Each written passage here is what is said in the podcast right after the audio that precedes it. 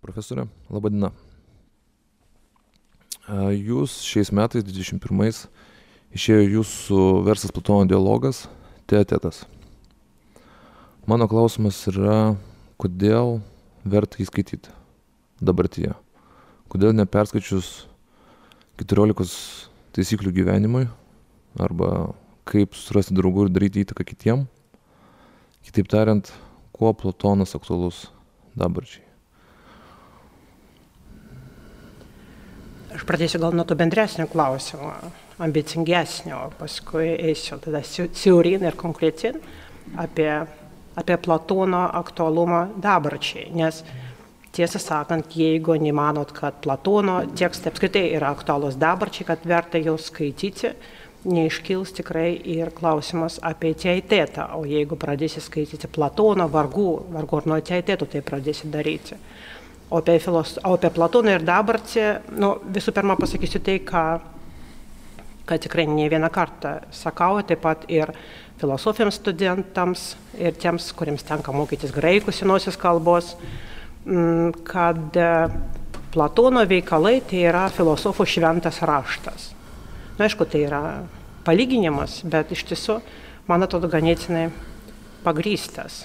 Būtent Platono veikalai tai yra toks nu, korpusas teksto, kurio neišvengiamai, net jeigu norima su jais polemizuoti, remiasi e, mąstytojai, kurie masto, rašo ar svarsto nu, e, europiniai, kultūriniai, filosofiniai plotmėje. Nu, nebent būtų visai koks nors e, fovistas, e, iš principo primityvistas, kuris norėtų tiesiog pats iš savęs ir iš savo aplinkos ar kalbos kurti, kurti mąstymą ar filosofiją. Bet jeigu tai yra kultūriniai tradicijai priklausantis, akademiniai siauresnė prasme, arba tiesiog plačiau kultūriniai tradicijai priklausantis filosofinis mąstymas, tai čia tiesiog neįmanoma aplenkti Platono rašto korpuso. O tai, kad šitie veikalai neturi religinės, e, religinės tokio religinio statuso reikšmės ir auros, tai leidžia nu, dar drąsiau, dar plačiau ir įvairiau juos skaityti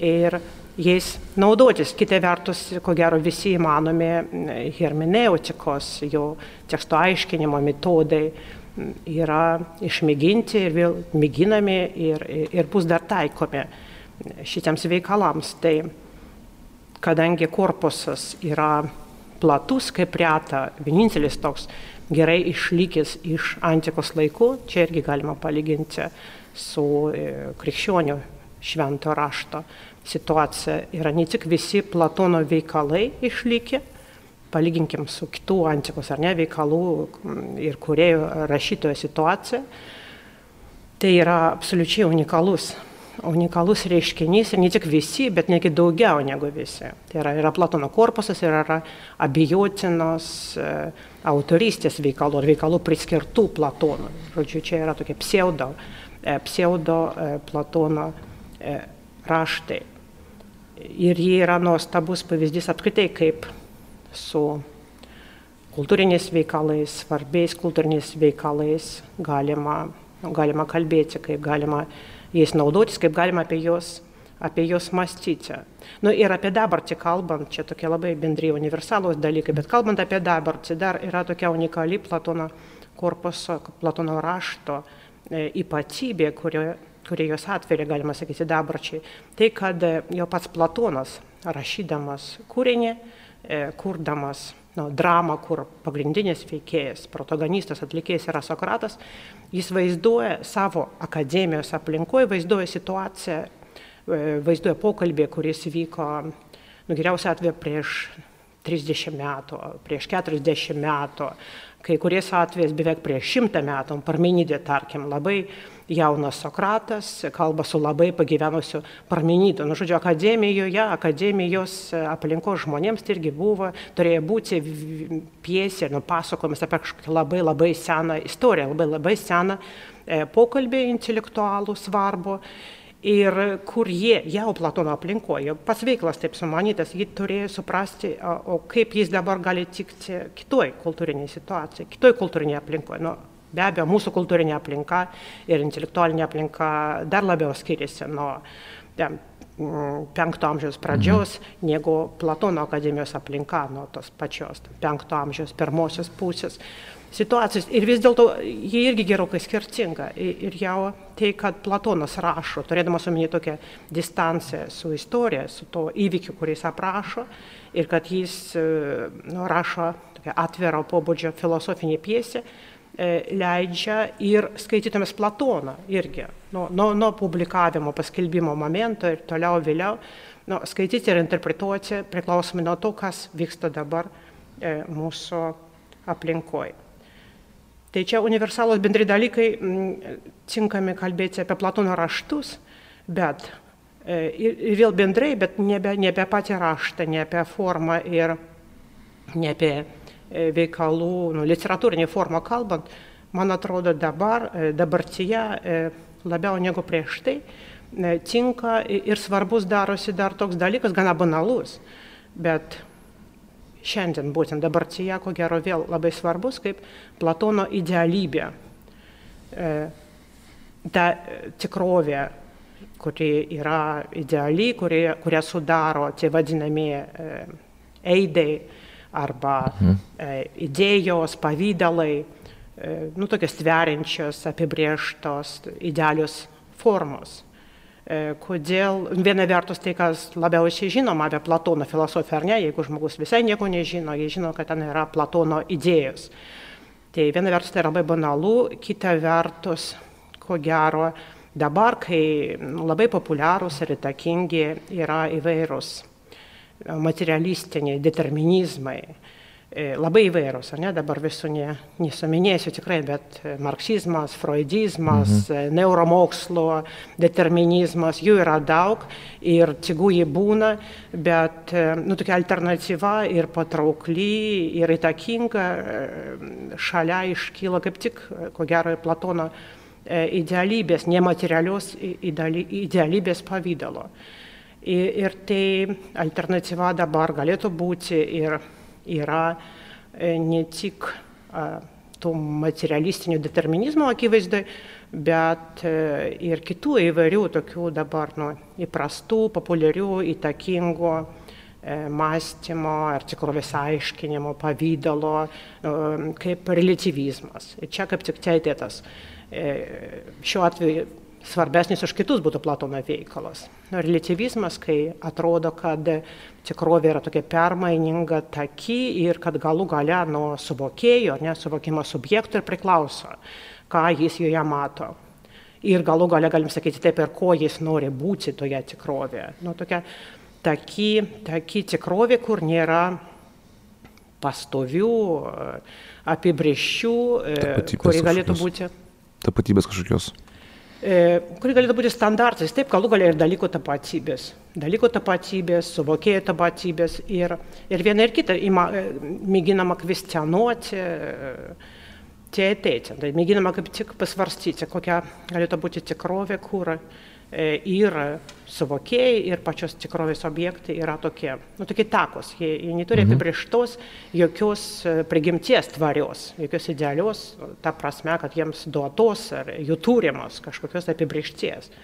Viskas atsitinka, kai žmogus, tarkim, paima į rankas tie atėjo šitą knygą tomelį ir priklausom nuo to, kaip tuo met pasisuko ta knyga ir kaip tada nusiteikė žmogus, nuo jų inter, interakcijos, veikimo tarpusavį, to kontakto ir, ir atsitinka, kokia dabar jam atsiveria ta knyga ir ko galų galia pats tas žmogus, kuris ima knygą į rankas, kuo jis tuo metu tampa. Tai, žodžiu, viskas tampa to, tam tikroji situacijoje, viskas atsitinka. Tai va, ta idealybė su formomis ar standartais, e, e, nu, pats bent jau mėginimas e, nuosekliai pasvarstyti, koks būtų pasaulis, jeigu jis būtų toks takus. Ir lengva ar nelengva, ar kiek įmanoma būtų nuosekliai tokiam, tokiam pasauliui gyventi vers, vert, verta nuosekliai apsvarstyti ir būtent tai, būtent tai vyksta, vyksta čia ateitio. E, relativizmas e, nu, versus Platono idealybė, tai viena tokia, nu, produktyvi atrodo, e, dialogas su platonizmo būtų plotmė, yra, yra daug įvairių kitų reiškinių hedonizmas, vartotojiška visuomenė. Tam, tikra, tam taip pat Platono, Platono dialoguose yra, nu, yra daug atsakymų ar daug tokių kritinių analizių panašių, panašių reiškinių. Ir, ir jeigu norima svarstyti apie vartojimą ir jo ribas, apie hedonizmą, taip pat galimybės, ribas, patrauklumą ir kritiką, tai čia taip pat Platono tekstai labai daug galėtų pasiūlyti medžiagą, medžiagos. E, prisitaikymas prie polinės politinės tikrovės, galų galia prie akademinės tikrovės. Ir vėl čia e, Platono dialoguose su tais standartais, e, e, idealybės standartais taip pat galima išvelgti alternatyvą. Ir galų galia konkrečiau būtent Sokratas, ne, Platono personažas e, dialogo ypatingas, kuris taip pat man atrodo, kad ko gero netgi dabar yra nu, toks aktualesnis, patrauklesnis negu galbūt prieš 10 metų ar prieš 20 metų. Atrodo, va, tokia demokratinė tikrovė, kur yra daug ir materializmo, ir hedonizmo, įvairiaus determinizmo, daug konformizmo, ar noro ir spaudimo prisitaikyti.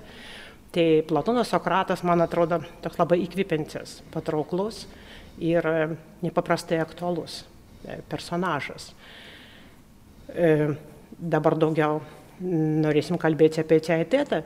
Mm, tai toks Sokratas, kuris yra teatete, jis, nu, be kita ko, patrauklus, įdomus, galėtų būti pavyzdys kaip e, nuoseklus analitikas. Štai jam sako, dabar madingas toks mokslas, protagoro mokslas. Žmogus visų dalykų matas. Tai jo pašnekovas, kuris dar mm, yra geras matematika gabus, bet apie intelektualius tokius dalykus, intelektualias teorijas ir analizę dar panašu, kad mažai e, nusimano, mažai nutokia. Bet girdėjęs, kad štai yra toks madingas mokslas, ko gero, ganėtinai universaliai paplytęs. Tai Sokratas leidžiasi su juo kartu į tokią ilgą analizę, kur mėgina nuosekliai apmastyti, o, o kur tai veda, koks turėtų būti pasaulis, kuriame veiktų tokia protagora maksima, nu kol parodo teitėto, e, ką, ką, ką tai turėtų reikšti, kokią visą, visą aplinką pasaulio e, įsivaizduojama tokia ištara, ar tas mokslas nuosekliai analizuojamas ir plėtojamas e, sukurto ir atnešto. Žodžiu, toks nuoseklus analitikas, kuris nepasiduoda intelektualiniam madom, e, autoriteto ir gero spaudimui e, pripažinti tai, kas, nu, visai įprasta, įprasta intelektualiai, įprasta politiškai polė, Gorgijas kitas, labai geras, ko gal dar ryškesnės pavyzdys, nes Gorgijoje Sokratą pašnekovą ir gėdina, kaip jam, ar jam yra taip normalu, įprasta, ar kodėl jam negėda gyventi, elgtis, mąstyti kitaip, negu, negu dabar. Įprasta, jo lab, kad tai netgi gali, gali grėsti, nuturėti jam ir gyvybės, netgi jo gyvybė, ne, jo padėčiai, jo gyvenimoje gali sukelti labai rimtų ir net gyvybiškai rimtų pasiekmių ir problemų. Tai yra toks Sokratas, ne, konkrečiai, nu, bendrybių einant prie konkretybės, tai yra konkrečiai Platono Sokratas, e, kaip visų pirma e, nuoseklus analitikas, kuris nepasiduoda madingom mhm. nuomonėm, e, neprisitaikėlis e, ir dar labai svarbu, nes jeigu būtų tik tai, nu, jis galėtų būti toks ir moralizuotojas, nuobodus arba būtent labai sausas analitikas, bet labai svarbu, kad e, visa tai nu, nuspalvina ar, e, a, pa, papuošia plat, Sokrato ironiškumas. Ne tik ta ironija garsi, kad jis štai apsimeta nežinančių dalykus, apie kuriuos, nu ir Platono padedamas labai daug nutokė, bet jis ir autoironiškas, kas labai svarbu. Na, kitaip, žodžiu, jis labai herojiškas, toks neprisitaikantis, savarankiškas, drąsus mąstytojas. Jis labai herojiškas, bet jau tas herojiškumas toks, tas nuostabu, yra toks nepatetiškas, toks labai autoironiškas, toks labai žaismingas. Ir tie tekstai kartu yra ir turi tokio dramatinio, draminio, net ir tragiškojo patoso, ir, ir kartu tokio yra komiško ir komedijos lengvumo. Na, kaip Platono po to įsakoma, kad svarstoma, ar galėtų būti toks autorius. Sokratas sako, kad e, jeigu būtų geras kūrėjas, jis turėtų mokėti rašyti ir komedijas, ir tragedijas. Nu, tai gana akivaizdu, kad štai Platonas rašo, rašo filosofiškas, e, filosofinės ir filosofinės dramas, kuriuose yra ir tragiškumą, ir e, komiškumą. Apie Gorgėją pradėjau sakyti, tai štai konkretus pavyzdys irgi tokio sudabartinimo, pritaikymo dabarčiai, akivaizdu, kad ne tik man ateina į galvą, kad Gorgės galėtų būti e, labai, labai dabartiškas, labai aktualus ir suprantamas veikalas, kalbant apie žmogaus ir individo etinį laikyseną politinį tikrovį. E, Leidikla Jonas ir Jokūbas leidžia verčia į lietuvių kalbą ir leidžia tokias knygutes nu, vaikams, jaunimui. Mažieji Platonai vadinasi serija, kur mhm. prancūzų filosofijos mokslo irgi daktaras inicijavo ir kolegos jam padeda talkiną leidžia. Tai viena iš knygučių kaip tik parašyta, nu, išradingai perkuriant būtent Gorgėjo motyvus. Jie vadinasi Sokratas prezidentas ir pritaikoma politiniam aktualiam to meto, o e, tos aktualijos e, tuomet buvo e, prezidento rinkimai JAV ir Trumpo kandidatavimas į prezidentus. Tai e, Trumpas toje knygutėje taip sintetiškai surinka visų e, Sokrato pašnikovo Gorgija brožus, nes Sokratas Gorgija kalbasi su e, retorikos mhm. dėstytoju ir praktikų tokių ryškiausių Gorgio ir su jo sikėjus. O tai Trumpas e, toje vaikiškoje knygutėje, jis vaizduojamas kaip Gorgijas, bet iš tiesų jis labiau primena kitus pašnikovus ir labiausiai paskutinį, kaliklį, politiką. Politiką, e, hedonistą, nu, ciniškai hedonistą, kuris ir, ir neslėpia to, kad jis mano, kad reikia turėti daug galios ir E, ją naudoti tam, kad tenkintum maksimaliai ir kiek įmanoma visus savo poreikius. Štai. Tai net nežinia, ar Trumpas e, kaip nors ger, geriausiai ar gerai e, iš tiesų atspindi tą Gorgijoje vaizduojamą situaciją, bet m, pats mėginimas Sokrato, Gorgijo Sokrato, nu, tokį tą atsisakantį pataikauti ir prisitaikyti Sokratą perkelti į dabartį, į dabartinį tikrovę, jis neabejotinai vykęs ir prasmingas. Manau, kad dabar ir teitėto motyvais, būtent kalbant apie tą pasaulį, tokį relativistinį takoje, kur nėra, nėra aiškių konkrečių tapatybių ir lyčių, nu tyčia sakau, mhm. lyties. Mhm. Tai pavyzdžiui, būtų galima tikrai mėginti parašyti ir knygutę. Mm, mėgdžiojant, atkartojant ar kaip nors išplėtojant Sokrato argumentaciją, e, tai pirmoji dalyje, kokį nors veikalą, kuris svarstytų šūkį žmogus visų lyčių matas, tarkime. Na, ir pamėginti pasvarstyti panašiai kaip e, Sokratas teatėtė svarsto Protagorą Maksimo žmogus visų dalykų matas. Ką tai galėtų reikšti, koks galėtų būti pasaulis. Jūs labai vat, labai plačiai apibrėžėt jo aktualumą Platono. E, man asmeniškai dabar noriu stipriai reaguoti. Nu, pirmiausia, ką aš, man tas aktualumas, kuo mes pasirodė, buvo tuom, kad aš, mes visi žinom šitą maksimą garsiai Sokrato. Žinau, kad nieko nežinau. Ir jinai tokia banali, jinai tai turi asociacijų su ironija. Bet dabartinėme kontekste pandemijos, kur aš dar turėjau savo asmeninį santykį su koronavirusu, man labai aiškiai supratau, kad netgi valstybinėme ligmenyje mes nežinom. Mes nežinom, kaip elgtis, bet mes elgiamės taip, tarsi mes žinotume. Tai visų pirmiausia, man buvo pamoka grinai mąstymo pratybų. Aristokratiško mąstymo pratybų, kurios įsikūnija Sokrato, Sokrato asmenybėje. Nes jo gynimas, velnio advokatų buvimas Protogoro pozicijoje mane tiesiog nustebino, kad savo nuoširdumu, sažiningumu ir įtaigumu kaip galima pačiam Platonui save kritikuoti kitų lūpomis. Tai iš tikrųjų buvo įspūdinga dalis teksto. Ir dabar visos jūs, ta, kažkoks, turbūt su Stambulo konvencijos kažkiek tai tą kontekstą užgrėbėt, kurios iš mes įdomi ir diskusija galėtų būti aktuali tema, bet dėja nemačiau nei vienos, kuri pakiltų į teto lygmenį. O gaila iš esmės.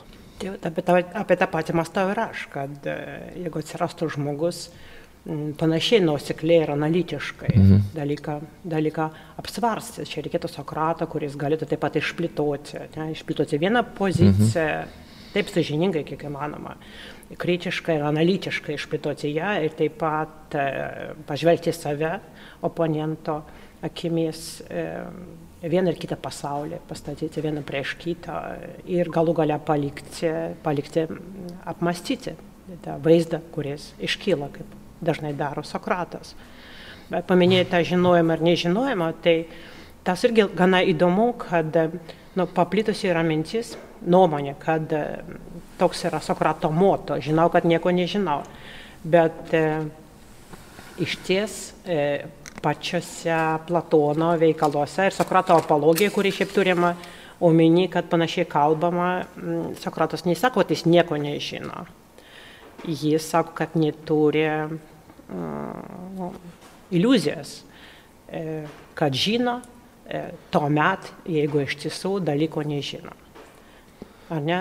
Mm, ten paaiškėjo, kad Sokratas turi apologiją, ne? vienas vis tiek tai turėtų būti iš ankstyvesnių, ko gero Platono parašyto veikalų, tai paaiškėjo, kad Sokratas turi, galbūt jis yra sokratiškiausias, tai yra artimiausias tam istoriniam Sokratui.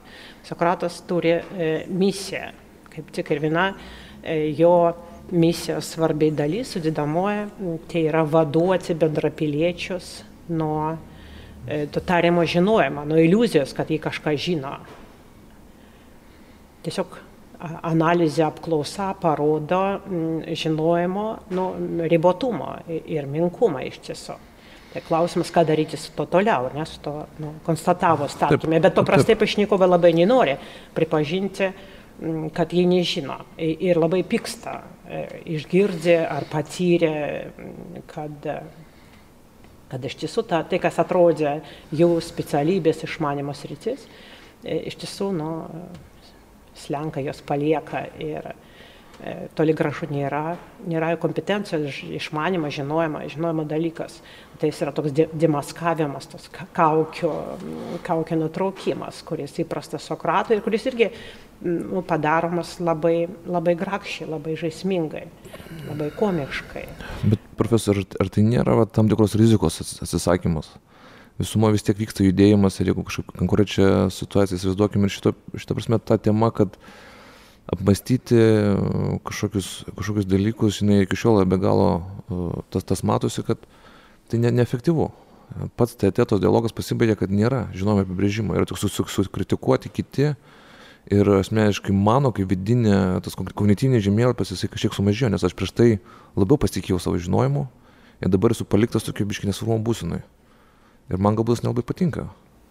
Bet žiūrėkit, galbūt jums gana įprasta, ne? jums ir žmonėms, kurie jau studijuoja filosofiją, mm, gana įprasta kritiškai ir atsargiai žiūrėti į savo žinojimą, savo žinias, tikrinti, abejoti E, čia Sokratas kalba su matematiku, kuris mhm. na, vis tiek filosofija naujokas e, ir kitais atvejais kalba su žmonėmis, kurie nu, ir nesusimasto, tiesiog nesusimasto apie tai, kiek jų žinomas pagrystas, kuo jis remiasi. E, ir nesirūpina jo tikrinti. Čia dažniausiai yra stereotipai, klišės, vaidmenės, kurie visi visuomeniai priima, nekvestionuodami, neiškodami pagrindimo. Tai čia vienas vaidmuo, būtent tokia nuo kritiko, analitiko, kuris tiesiog verčia sustoti, susimastyti ir apsižiūrėti, ar tikrai e, mūsų vaidmenys, e, socialiniai vaidmenys, ar tikrai tik tokie turėtų būti. Ir tikrai kiekvienas užima tokią vietą, kuris jam tiktų pagal jo sielos ar proto kokybės. Ir čia Sokratas nei vienas, tai yra tas garsus vadinamasis sofistų sąjūdis. Ne, daro tokį darbą, todėl Sokratas dažnai panašus į sofistą.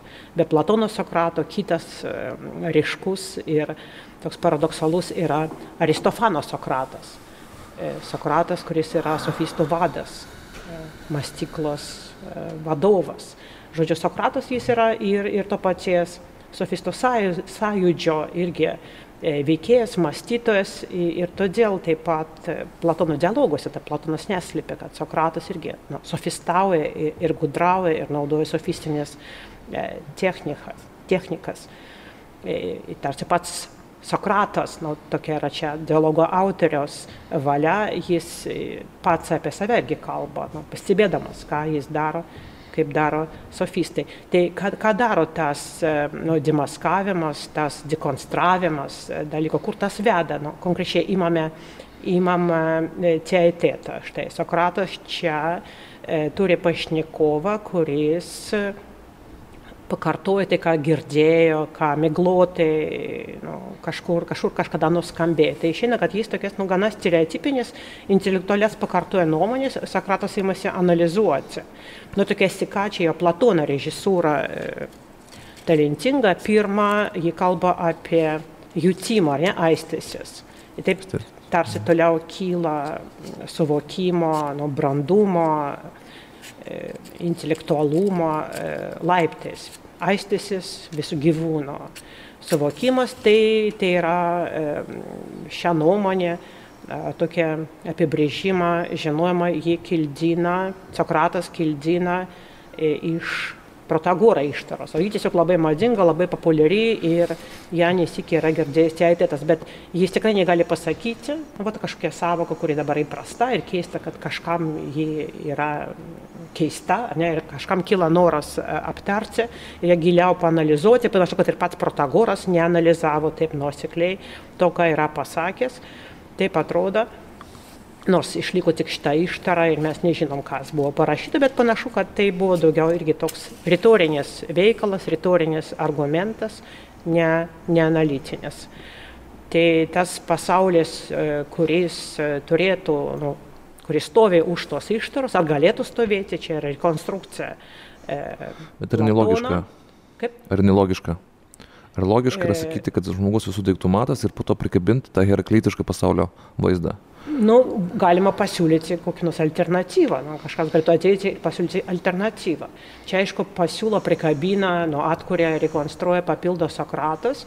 Tai ganėtinai nuoseklu, logiška, logikos požiūrį, tai ganėtinai nuoseklu. Bent jau reikėtų pasiūlyti kitą aiškinimą, kitą argumentaciją. Sokratas prikuria, nu, Platono Sokratas sukuria tokį takų, takų pasaulį ir tai jam leidžia, ko gero, priminti tai, kas panašu, kad tikrai Platonai buvo labai svarbu.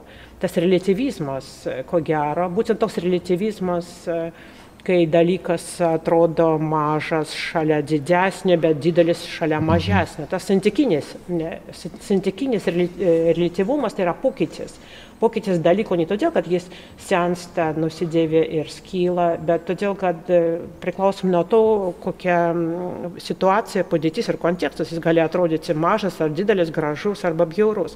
Tai būtent toks neišvengiamas e, situacijų e, poveikis dalyko suvokimui, galbūt tai ir buvo tai, kas verčia Platoną galvoti apie mąstymo tos tikrovės standartus tokius nekintamus standartus, kad būtų galima vis dėlto yes. apie kažkokią mažumą, didumą, grožį kalbėti apskritai. Tai todėl tas takus pasaulis jam labai svarbus.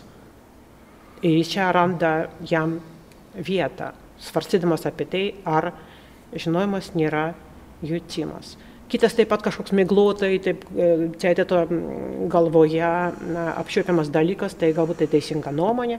Ir paskui e, rimčiau irgi eina toliau, galbūt tai bus nuomonė plus e, teisingas pagrindimas, pagrindimas logos. E, gal aptars tas atskiras, nu, atskirus mėginimus apibriežti vėliau, bet kalbant apie išvadas, E, tas ir yra, kad iš teitėto iš tiesų e, plaukia skirtingos mąstymo filosofavimo srovės. Viena labai takinga, ir Platono akademija labai takinga iki pat pirmojo amžiaus prieš Kristų, skeptikų, skepticizmo. Mhm. Būtent todėl ir Sokratas, ir ko gero visų pirma, galbūt netgi teitėto Sokratas, ir atrodė pavyzdinis, ne, pavyzdinis skeptikas. Ar jūs pritarėt jiems? Kaip sak? Pritarėt jiems, skeptikams, e, kurie ne. taip interpretavo? Ne. Ne. Pačiai man taip neatrodo.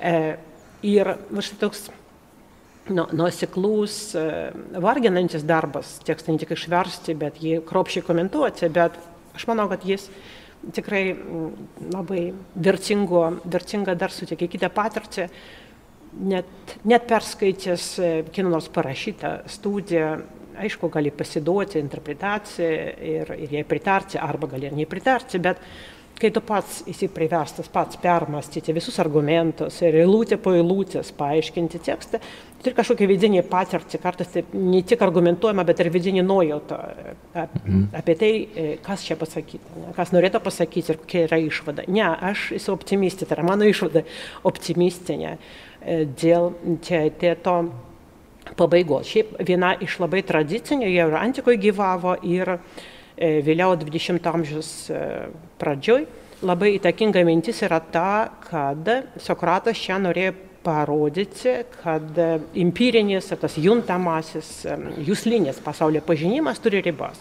Ir kad jeigu mes nekalbėsim būtent apie Platono idealybę, apie jo standartus, Ir jeigu mes neprisiminsim, kad jie yra žinojimo tikrai pažinimo šaltinis, va taip mes ir liksim nesupratę, kas yra žinojimas. Ir būtent todėl, taip manyta, čia Kornfordas mhm. buvo labai toks įtakingas proponentas mhm. šitos teorijos, vėliau Černės, e, e, tai Gatrė taip pat negarsios filosofijos istorijos, ilgai labai įtakingos autorius.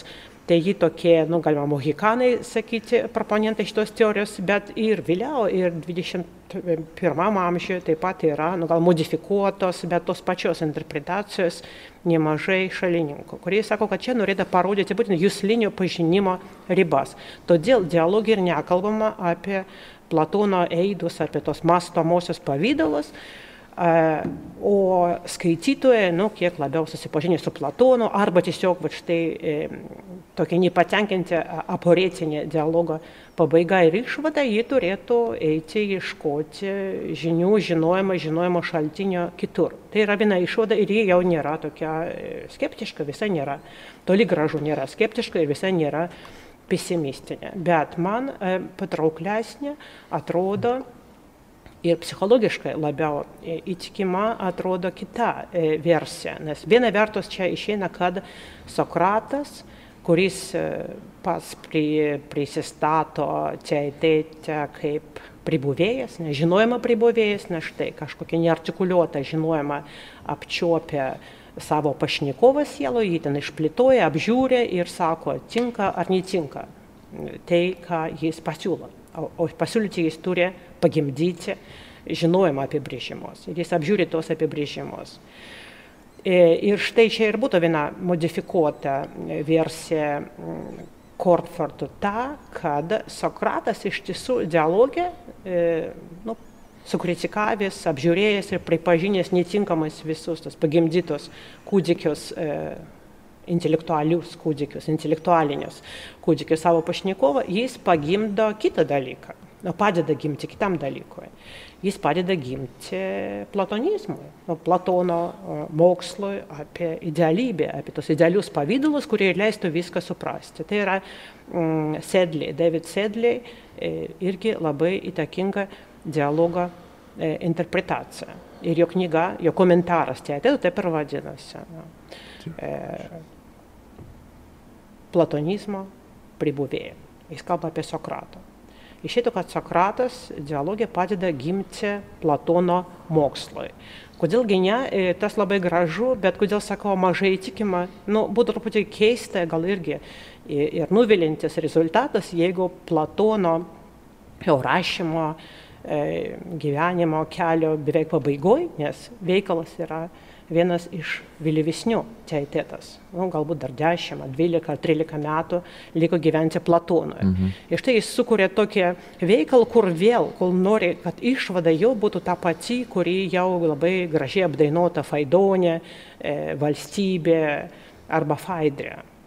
Nu, ne psichologiškai mažai įtikima, kad būtų taip norėjus dar kartą nueiti visą kelią iki iki savo mokslo apie idealybę parodyti, kad be jo negalima suvokti pasaulio. Ir jo labiau, jo labiau, tai galbūt dar svarbiau tai, kad tolesni Platono veikalai, jie iš tiesų e, kitaip iš naujo ir sudėtingiau, kaip tik mėgina modeliuoti ir įsivaizduoti būtent tą pačią idealybę. Čia veikiau tam tikra idealybės revizija. Nebūtinai čia irgi yra e, galingas ginčas apie tai, ar Platonas e, išvys po Aristotelio kritikos. Jie... Aš taip, taip ir galvoju, kad čia galbūt taip, tuo metu nors, nors taip, tai gavo biškį. Prieš tai parašytas Parmenidas ir akivaizdu, kad mhm. Platonui tuo metu vėl psichologiškai mažai įtikima. Jis turi problemų su savo tom mhm. idėjom, ne, idealybė. Išulį turi šalia tokį irgi įkyrų ir nesukalbamą mokinį ir gabų Aristotelį. Mm, Barbara. Ir, ir labiau panašu, kad jis mėgina veikiau nu, peržiūrėti, galbūt kritiškai pažvelgti į savo tą vadinamą idėjų mokslą.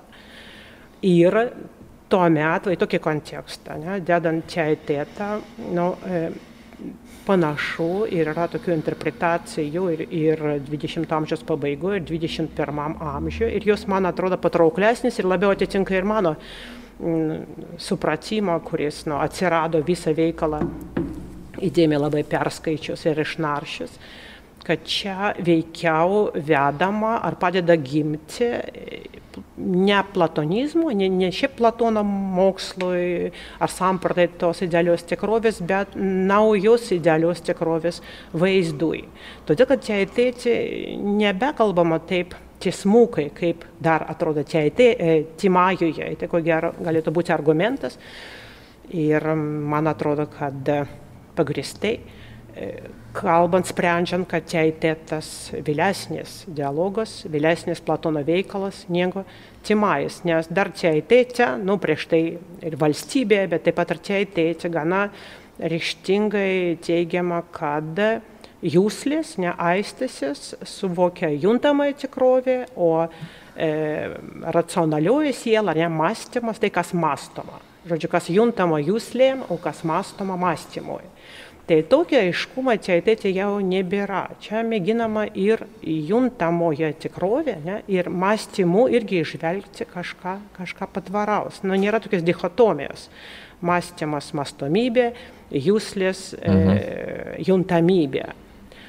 O jeigu taip nėra, tada kaip tik ir sunkiau darosi m, suprasti, nes toje ankstesnėje schemoje e, manimas, nuomonė ir buvo siejama su juntamybė. Mhm. Štai dar kas svarbu. Nuomonė juntamybė, o, o žinojimas gali būti žinojimas ir pažinimas tik su mastomybė. Linijos alegorija. Jeigu mes taip dichotomiškai neskaidom dalykų, tai tada sunkiau ir suprasti, kas leidžia pagrysti, kas leidžia pagrysti žinojimą. Ir dar kas svarbu, kad iš tiesų, nu, tokiems įdėmiems interpretatoriams akivaizdu, kad jeigu mes tiesiog visas problemas apie pagrindimą, kaip pagrysti žinojimą, perkelsim į mastomybė, tai savaime, savaime tai problemos neišspręs. Iš, kaip rodo dialogo mhm. pabaiga, tam tikras sika elementų, jeigu jie pats nėra pažinus, tai yra, yra nepažinus, iš tų nepažinių mhm. elementų sikos savaime sankopas. Jeigu mes taip atomistiškai įsivaizduosim, nesvarbu, ar tai mastomi atomai ar, ar, ar juntami. Bet jeigu mes paimsim čia jų sankopą, tai jokia nauja kokybė ir žinojimas neatsiranda. Vadinasi, Vadinasi, jeigu norima likti su žinojimu, o man atrodo, kad čia pabaiga yra optimistinė, todėl kad vėliau Platonas kitose dialoguose ir svarsto, kaip reikia įsivaizduoti, kaip reikia ir mastomosios vienetos analizuoti. O, o svarbu juos analizuoti kaip sistemą, kaip visumą, būtent, ne kaip atomo tokių pavienių sankopą, o visas teoritetas lieka kaip tik tokiam nu, impresionistiniam arba tokiam poantilistiniam pasaulyje. Tai yra kažkokie taškiniai, taškiniai įspūdžiai arba nuomonės, arba analizuojant dalyką, tai vis tiek tokie elemento, elemento atskirų sudėjimas į, į krūvą. Į tai, ko nėra, į tai, kas atsiranda, apie ką kalbama toliau vėlesniuose dialoguose, tai yra kaip tik tos sistemos, visumos, e, struktūros pažinimas. Ir tas žinojimas, kurio taip ir nerandama teatėte, jis vėliau įsivaizduojamas ir šiek tiek teatėto paskutinė dalis leidžia tai nujaustis įsivaizduojamas kaip, kaip visuma, nu, holistiškai. Ja, interpretatoriai, mhm. kurie tokios nuomonės laikosi ir pasiūlė sampratą, holistinis žinojimas. Tai yra joks vienas elementas savaime dar negali sudaryti, sudaryti žinojimą kartais man atrodo, kada mąstymas jisai labai žvelgia kažką ilgai, pavyzdžiui, kaip vertimo metu, ypatingai per tokio veikalo kaip teatetas, man yra sunku patikėti, kad bet kiekvienas žodis, kiekvienas sakinys sudaro tokią nuoseklią konfiguraciją. Ar kartais patys vertėjai ne, neprideda savo tokių asociacijų, nes tiesiog sunku patikėti, kad Platonas būdamas žmogus, o ne Dievas, taip įžanga be bejonės yra be galo svarbi. Ir aš iš mies labai nemažai laiko, laiko vat, kaip mačiau apie tai ir mačiau, galvodamas, kad nu, Platonas jo, jis nedaro nieko šiaip savo, viskas yra kažkur. Bet ir skaitant komentarus pasirodo, kad apskritai jokio atsitiktinumo negali būti.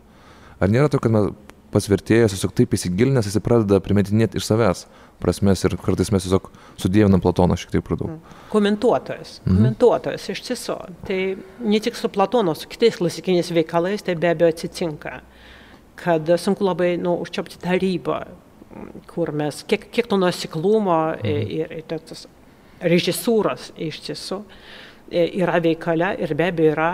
Ir kiek mes jau fantazuodami ar ieškodami ir bijodami praleisti kokią nors užuomeną ar ne, kokią nors sąskambį, galim kažką ir sugalvoti. Čia e, sąžiningi interpretuotojai, interpretatoriai tai supranta. Bet kita vertus, akivaizdu, kad Platonas tikrai nu, genialus e, režisierius ir kai kurie sąskambiai yra nu, akivaizdus, nepaneigiami O kai ką be abejo, interpretuodami tiek amžių atrado ir sugalvoja e, interpretuotojai. Ar yra buvę kokių tokių... O kita vertus, o kita vertus štai, e, toli gražu, tas ir godžia norėtųsi kaip tik tie interpretuotojai kartais sugalvoja dalykus būtent todėl, kad norėdami, kad norėtų, kad Platonas būtų labai nuoseklus, kad viskas būtų sklandu, labai nuoseklu, kad argumentai būtų nepriekaištingi. Ir čia aš galiu paguosti kaip tik ir save, ir jūs iš tiesų, nu, ir man atrodo, e, komentuodama tai rašiau aš, tai tenka rašyti kitiems, vis dėlto mes dažnai pagaunam Platoną, kad jis arba gudrauja, arba netvarkingai surašo argumentą, arba ne iki galo jį išplėtoja. Tai tas, tas godžiai parodo, kad mes turim vis dėlto reikalą su, su, žmogaus, su žmogaus tekstu, kuris kaip tik nėra visur tobulos. Argumentai visai nėra tobuli. Nu, tarkim, antras čia apibrėžimas svarstomas apie tai, ar kartais žinojimas nėra mm, teisinga nuomonė.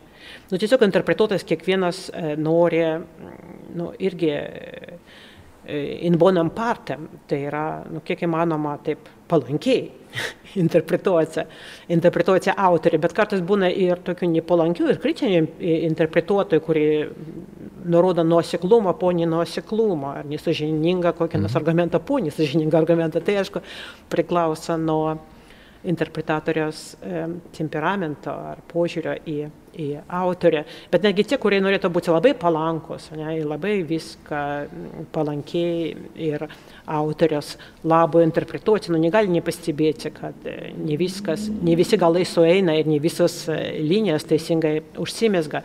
Kai ko mes nesuprantam būtent todėl, kad mes vis dėlto nepakankamai įsivaizduojam, kad ir kiek čia mes tirtume istorinį, kultūrinį kontekstą intertekstus įvairių santykį. E, Platono svarstymas su to, kas tuo metu svarstyta akademijoje, ką rašė jo varžovai intelektualiniai ar kolegos. Mes daug ko nežinome, todėl kažko ir nepastebėm ir nesuprantam. Tai čia irgi savo žinojimą e, ribas greitai prieina ir komentuotojai, ir interpretuotojai, bet tame argumente minėtam atkarpuoju tekstą, kai kalbama apie teisingą nuomonę, pats, pats tarkim, e, svarstymas, tai mėginama kaip tik suprasti, kodėl dabar, kai teatėtas sako, o gal tai gerai neaistėsis, neišeina, nejutimas, jutimas nepagauna tikrovės, jau lap negali būti visai tokios tikrovės, tada mhm. mes net pajusti nieko negalėtume. Gerai. Tada jis pasiūlo, nu, dar vis dėlto yra kitas mėginimas, gal tai teisinga nuomonė. Tai čia Sokratas visai toliau neanalizuoja teisingos nuomonės, o pradeda aiškintis, kaip įmanoma klaida čia visai nėra lengva suprasti, kodėl jis taip daro. Jis pradeda nuo tokių šiaip irgi madingų, populiarių tuo metu e, sofistinių triukų, kad e, įrodinėti, kad klaida neįmanoma. Nes ką reiškia klaida? Daryti tai, mąstyti tai, ko nėra, manyti tai, ko nėra. Nu, graikiškai, kaip ir lietuviškai, galim pasakyti, manyti nebūtų, nesama ar nebūtų dalyką. Tai kaip galima nieko manyti. Tai čia viena iš galimybių pasakyti, kad kaip galima klysti, negalima, vadinasi, klysti. Arba kaip toliau Sokratas svarsto. Tai ką mes e, vieną žinomą dalyką palaikom, kitų žinomų neįmanoma. Nežinoma, nežinoma, neįmanoma. Ir, žodžiu, įvairias kombinacijas. Jis čia pasiūlo šiandien, kad viskas neįmanoma. Bet jis svarsto apie tai, kaip įmanoma klaida ir, ir neišeina. Neišeina paaiškinti, čia tas negeba pasipriešinti visam šitam tokiam demonstravimui daugiausiai sofistinio irgi iš tiesų mąstymo kelių, bet baigė ganėtinai netikėtai, labai greitai Sokratas, sakydamas, nu galų galę žiūrėk. Pavyzdžiui, teisme teisėjus gali mm, įtikinti ir gali teisingai įtikinti ir jį balsuos, tarkim, vienaip tam, išteisindami žmogų. Bet jis susidaro teisingą nuomonę, išklausia kalbas, bet nežinodami, kas ten įvyko. Nes žinoti, kas ten įvyko, buvo galima tik e, nu, autopsiškai, buvus veiksmo vietoje. Tai štai. Ir čia tėtė sako, nu tikrai, ne, vadinasi, tikrai gali būti teisinga nuomonė be žinojimo, viskas sutikta, nu, sutarta. Tai labai keista ir ne vietoje tas argumentas, todėl kad jeigu taip, ar ne, jeigu vis dėlto teisinga nuomonė, tada išina plus jutimas, taip jį turėtų toliau svarstyti, ne, jeigu reikia turėti autopsinį patirtį. Bet čia argumentas, kuris ateina iš Minono, čia tarsi vat, jis tiesiog prišlėtas, prilipdytas, kad pabaigtume šitą aktą mm. ne, ir eitume toliau prie trečio, o jis eina visai kitą pusę, kitą kryptim. Ne prie jutimą, grįžtama, o pasakyti, sakoma toliau, kad reikia pridėti ir vėl teitėtas kažką, neaiškiai girdės, kad ko gero čia reikia pridėti logos. Bet žodžiu, visai ne ten nurodė, ne, mhm. kita, kita kryptim turėjo būti nuoroda po antro akto o jie eina dabar toliau intelektualiau, kad teisinga nuomonė ir dar artikuliuotas kažkoks paaiškinimas. Tai žodžiu, tokia nenuoseklumą, neaišku, ne, neaiškumą ir kaip tik nu atrodytų ir, ir prastos, nenuoseklios režisūros yra taip pat apstu.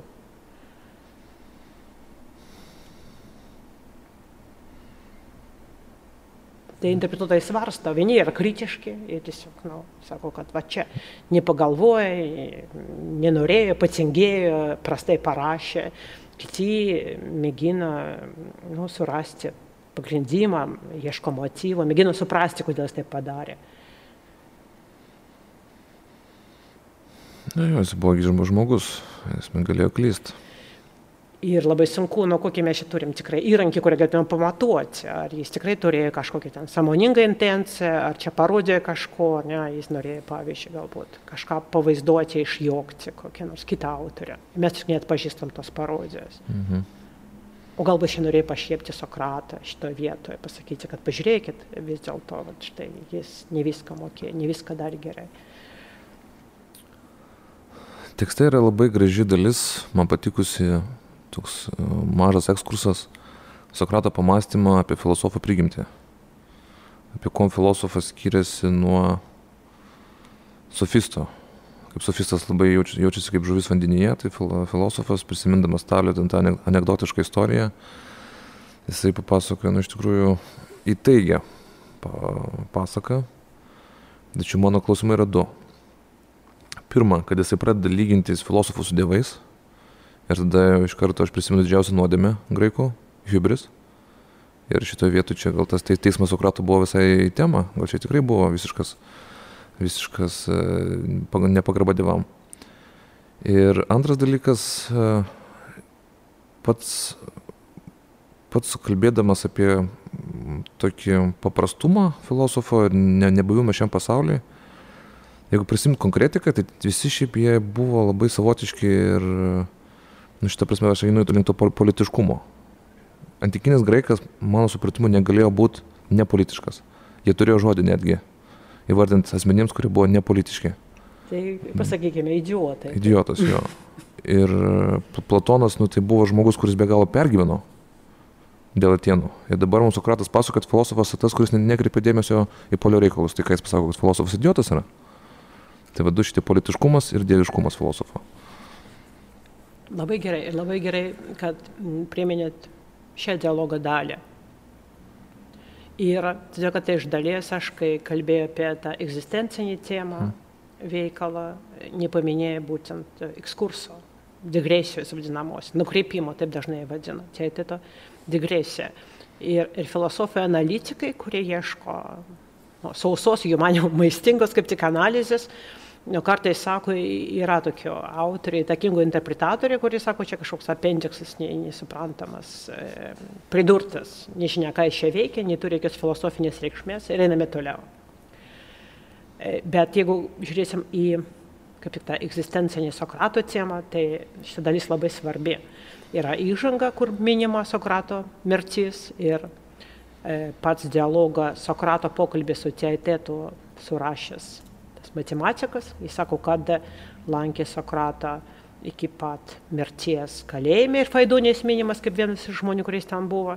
Ir taip išeina, kad šiaip pats Sokratas vadinasi iki ko gero mirties ir prižiūrėjo, kaip šitas teitetas buvo surašytas. Tas irgi labai įdomus liūdėjimas, nes tarsi Sokratui mhm. rūpė, mhm. kaip bus surašytas jo pokalbis apie žinojimą.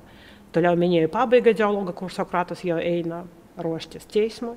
Ir dialogo vidurys, kur ten Sokratas nėra minimas, bet iš tiesų šita visa digresija labai labai susijusi būtent su egzistencinė Sokrato, Sokrato tema. Kodėl? Nes tarkime, na, įvairiai, jūs teisingai sakote, filosofai, nu tokie tokie ne šio pasaulio e, paukščiai, ten apie skrydį kalbama, kažkur aukštai skraido, kitai vertus tie tokie ten politikai, teismo žmonės, nu irgi labai komiškai, perdėtai pavaizduoti ir irgi nemažai e, komentuotojų, interpretuotojų, kurie jau mano, kad čia kažkaip parodė, bet nu, reikia klausti, aišku, kam jis taip juokėsi iš to e, filosofo, kam jis taip perdėtai viską vaizduoja aš turiu e, savo paaiškinimą tokį, man atrodo, kad tai būtent susiję e, su egzistencinė Sokrato tema. Ir aš čia matau e, Gorgio refleksą. Nu, todėl, kad prieš tai aš irgi verčiau mhm. aiškinau Gorgiją, bet kuo toliau, tuo labiau aš manau, kad tai yra nu, savotiškas Gorgio baigiamojo mito irgi variantas.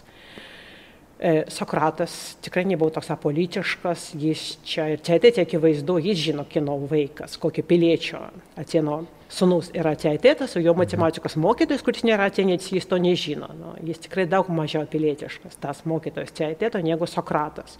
Jam, jam viskas rūpia. E, ir žino, kaip gyveno piliečiai. Ir tame pačiame Gorgijai jis ateina prieš tai mm, uždelsis Agoroje aikštėje. Taip, jis tikrai yra politiškas, pilietiškas. Nu, ir viena vertus galime tiesiog suprasti, kad čia vaizduojama ne šiaip policinė tikrovė, kurioje jis norėtų dalyvauti, kad ir Gorgija paaiškėjo, kad iš tiesų tai jis gal vienintelis rūpinasi piliečiais, bet tokia, nu, ta reali teismų tikrovė ir jis ir apologija sako, ir Gorgija, kad jis niekada neina į teismus ir nu, tose mhm. tokiuose politinėse, polinėse intrigose nenori dalyvauti, o būtent tai teismai ir polinės intrigos vaizduojamas teitėte. Tai ir taip galima suprasti, kodėl filosofas, kokia prasme filosofas yra apoliškas ir apolitiškas. Bet dar daugiau, čia vis tiek yra akivaizdžiai toks paveikslas perdėtai, šaržuotai ir filosofą, ir tą politiką ar teismų žmogo vaizduoja. Ir aš manau, kad tai ateina iš Gorgijo, nes ten tokį filosofą e, vaizduoja nuosekliai Sokrato pašnekovas Kaliklis antroji dalyje. Čia labai ryškus būtent tokia apoliško, apolitiško e, filosofo vaizdas. Kai kas tiesiog beveik pažodžiui priimna tai, ką sako Kaliklis, Sokratui, kad vat, jis toks, nu, visai nemoka elgtis policinėje tikrovėje, ten negali patekęs į teismą bus jokingas ir apskritai išėjęs ten iš savo kampo, kuris filosofuoja. E, bus jokingas, nemokės kalbėti, nemokės elgtis. Aišku, tai primena ir valstybė, kur irgi kalbama da, apie tą žmogų, kuris iš švyčinčios tikrovės grįžta į piliečių savo olą, irgi negali, ten irgi jokingas, nieko nemato. Primena ir jį, bet dar labiau primena, todėl kad ten kalbama tikrai ir E, apie filosofą Kaliklio lūpomis daug primena tą nu, komišką e, filosofą įvaizdį, kuris sukūriamas Gorgyje. Ir taip pat atskirsdamas Sokratos, irgi tos politikos, polė žmonės irgi vaizduoja kaip tokius nu, sugadintos polio tikrovės, kreivos sielos žmonės, todėl kad jie kalbasi, o viskas baigėsi mytų.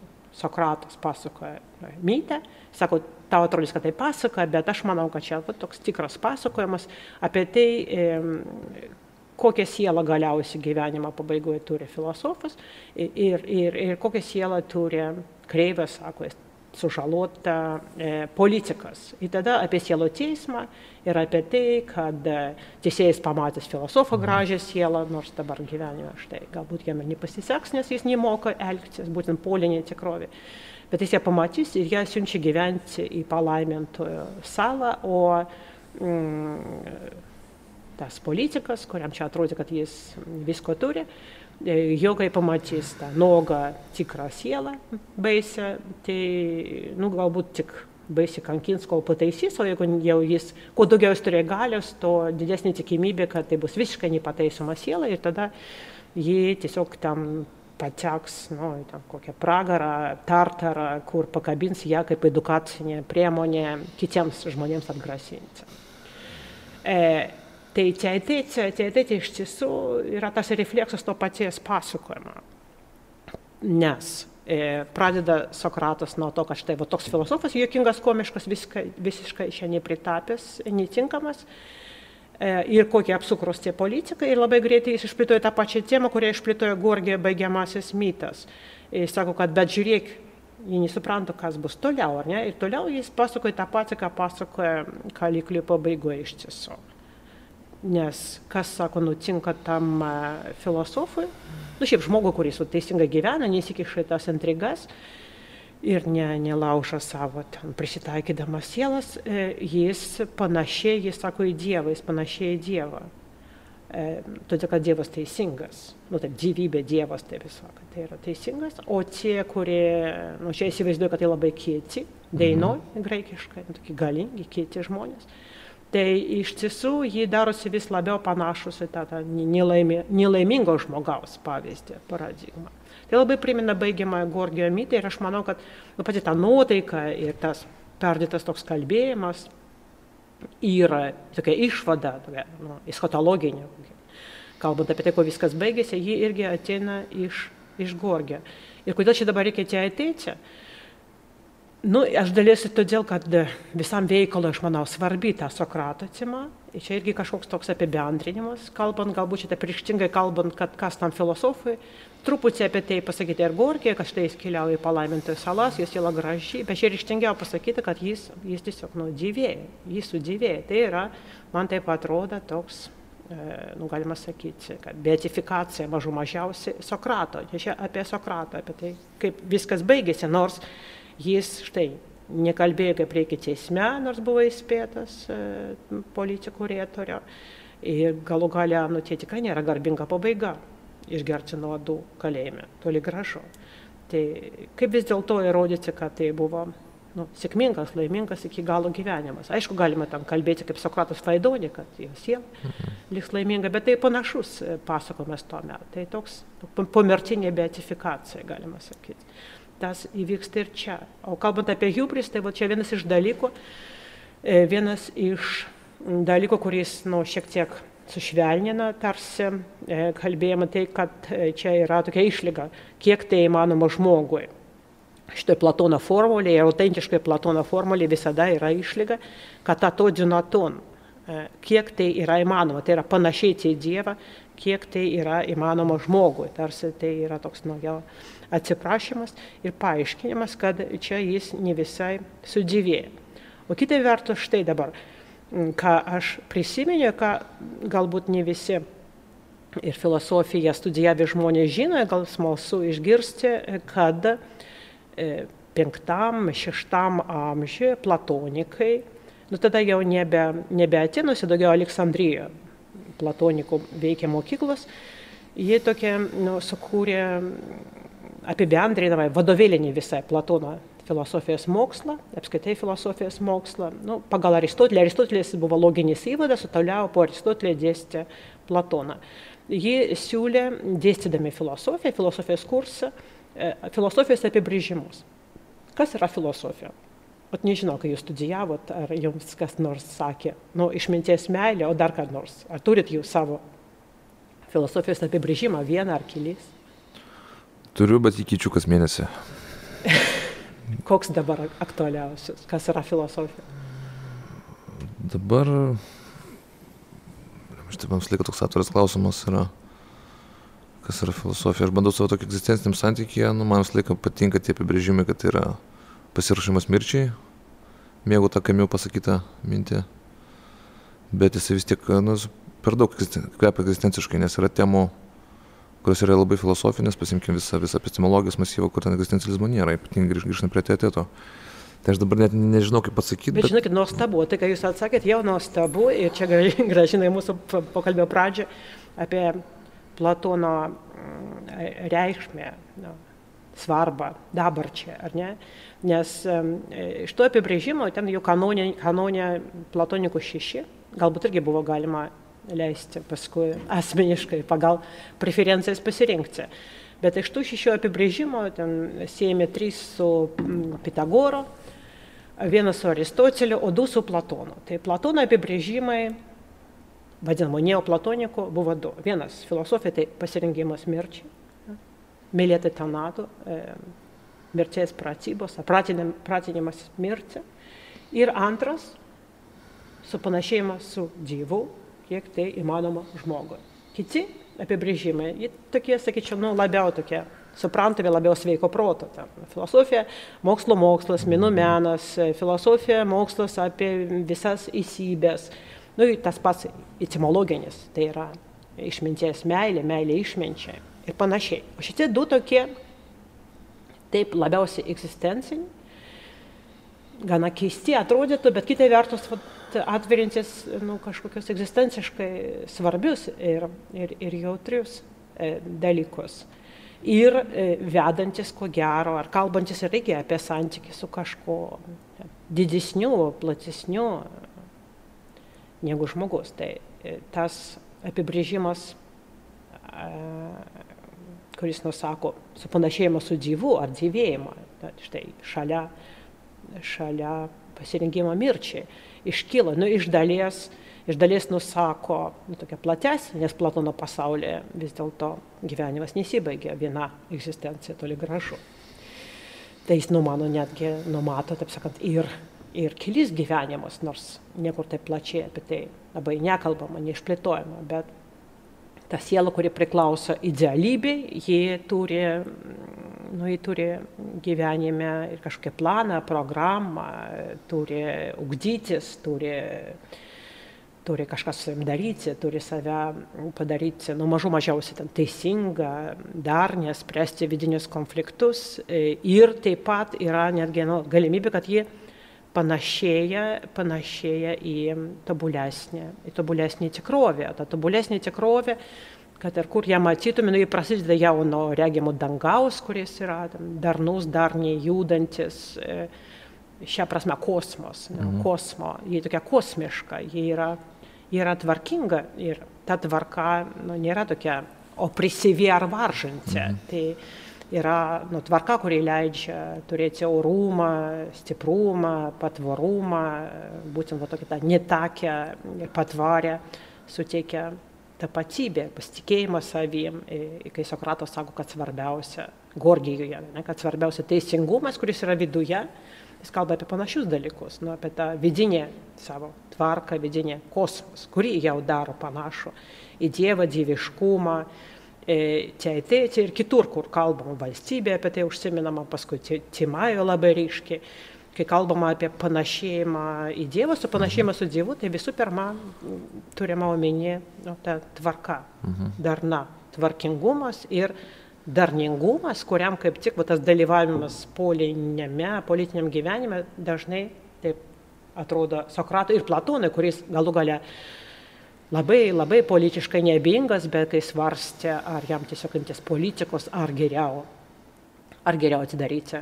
kažkokią sokratiško tipo mokyklą ir mėginti ruošti tinkamos, tinkamos sielos, tinkamo mąstymo žmonės vis dėlto pasirinko tokią, nu, formaliai bent tikrai apolišką, apolišką gyvenimo kelią. Tai ta digresija, ta digresija, man atrodo, ji labai įdomi, ne tik pačiam teatėte, bet galų galia visų Platono rašto e, korpuse. Man atrodo, kad čia netgi yra toks raktas, e, raktas į labai, labai garsiai ir labai įtakingą tą supanašėjimą su Dievu temą. Sakiau, kad tai tapo vienu iš kanoninių filosofijos apibrėžimų, e, bet ir dar daugiau skeptišką tą kryptį ilgai puoselė Platono akademija, o po jos, o po jos e, gana ryštingai, e, kaip nu, tokia, mokyklos moto, pasirinko būtent mintį apie supanašėjimą su Dievu ir gyvėjimą. Maždaug nuo pirmojo amžiaus prieš Kristų ir tada ir Platoniko mokykla ir vėliau krikščionių mąstytojams labai įtakingams e, šį būtent tokia platoniška formulė ir platoniška mintis e, tikrai turėjo įtakos. Tai tas teitetas taip išeina, kad jis vis buvo svarstymo labai svarbių, nu, tokių mhm. nu, avangardinio, intelektualių, kultūrinio ir intelektualinio svarstymo prieš akį. Nes skeptikai mane, kad Sokratos teitėta parodo, kad jokio žinojimo negali būti, nei jūslis, nei nuomonė, nei nuomonė plus liogos jokio žinojimo nesuteikia žmonėms. Ir čia pat jūs jo minėjote anksčiau, stoikai. Stoikai panašu, ir čia kaip tik naujausiai tyrimai, atrodo, geriausiai parodo, kad stoikai irgi mm, savo epistemologiją minčių sėmėsi taip pat į ateitį, nes kai Sokratos su teatėtu svarsto, kaip įmanoma klaidinga nuomonė ir galų galia jiems nepavyksta suprasti, kaip jie įmanoma, kaip įmanoma klaida, o jeigu nežinau, kaip įmanoma klaida, tai negalim pasakyti, kaip, kaip įmanoma neklaidinga nuomonė. Bet jis svarstydamas tokios labai irgi įtakingos vaizdinius pasiūlo. Ir vienas iš jų, kuris ko gero stoikams irgi turėjo e, įtakos apie vaško, apie vašką, sielai esantį vašką, kuriame potyriai palieka įspaudos. Nu, vėliau ir Lokas e, irgi labai plėtoja tą mintį. Ir kokie mūsų įspaudai liekami ir kaip mes vėliau dalykus atpažįstame, pritaikydami prie tų įspaudų, kuriuos jau turime sielai, priklauso ne to, koks mūsų vaškas, ar jų ten daug ar mažai, ar jis kokybiškas, e, švarus, nuo jo tyrumo, švarumo, mhm. žodžiu, čia pedagogiškai e, įdomu ir aiškina, kodėl mūsų skirtingos prigimtis gebėjimas suvokti, įsiminti, o kita vertus panašu, kad stoikai kaip tik su šito įvaizdžio siejo savo fantasiją kataliptikė, toks pagaunantis suvokimas, tikėdami, kad vis dėlto yra tokie įspūdžiai, kurie palieka e, tikrą, teisingą ir e, neabejotinai neklaidingą įspūdį. Nu, dar kadangi stoikai mane, kad siela yra irgi materiali, nu, tik tokios nu, subtilesnės medžiagos, bet mhm. materiali, tai tikrai galėjo įsivaizduoti tos įspaudos paliekamos sielų. Ir kaip tik stoikai ne, taip e, suvokimo vaizdavo, e, polemizuodami su akademikos skeptikais. E, o po Platono mirties ir po kelių dar akademijoje vadovavusi jo įpėdinio, Spjausipą, paskui Ksinokratą, kuriems atrodo rūpėjo tikrovės, e, tvarkos, tikrovės klausimai. E, vėliau kažkas nutiko, čia irgi filosofijos istorijos klausimai, kažkas nutiko, gal kad būt kažkas susijęs su Perono, kad tas skepticizmas, e, skeptiškoja pakraipa pasidarė labai, pasidarė labai įtakinga Jisai tokia įtakinga, kad helenizmo laiku, jeigu tu nesi skeptikas, tai vis tiek tu turėjai svarstyti žinojimo kriteriją, nu galimybės, galimybės turėti matą, suprasti, kas yra žinojimas, ar dalykas jau žinomas ar ne. Visiems teko, jeigu, sakau, jeigu nepasirinktas buvo visai skeptiko, skepticizmo kelias, tai tuomet atkakliai kaip stoikams reikėjo svarstyti, o koks yra ta kriterijos, nu, sprendiklis, kas leidžia spręsti. Ar, žinome mes dalyko ar nežinome. Ir tose e, svarstymuose, o jį sudarė, nu, absoliučią, galime sakyti, nu, problemos sprendžiamos svarstamo mm, pagrindinė, pagrindinė masė, pagrindinė turima, tai teitetas turėjo būti toks pamatinis, pamatinis veikalas. Ir toliau būtent kita vertus, kai, kai, kaip skepticizmas ir epistemologiniai klausimai jau šiek tiek pasitraukė, nu, pasitraukė šalin.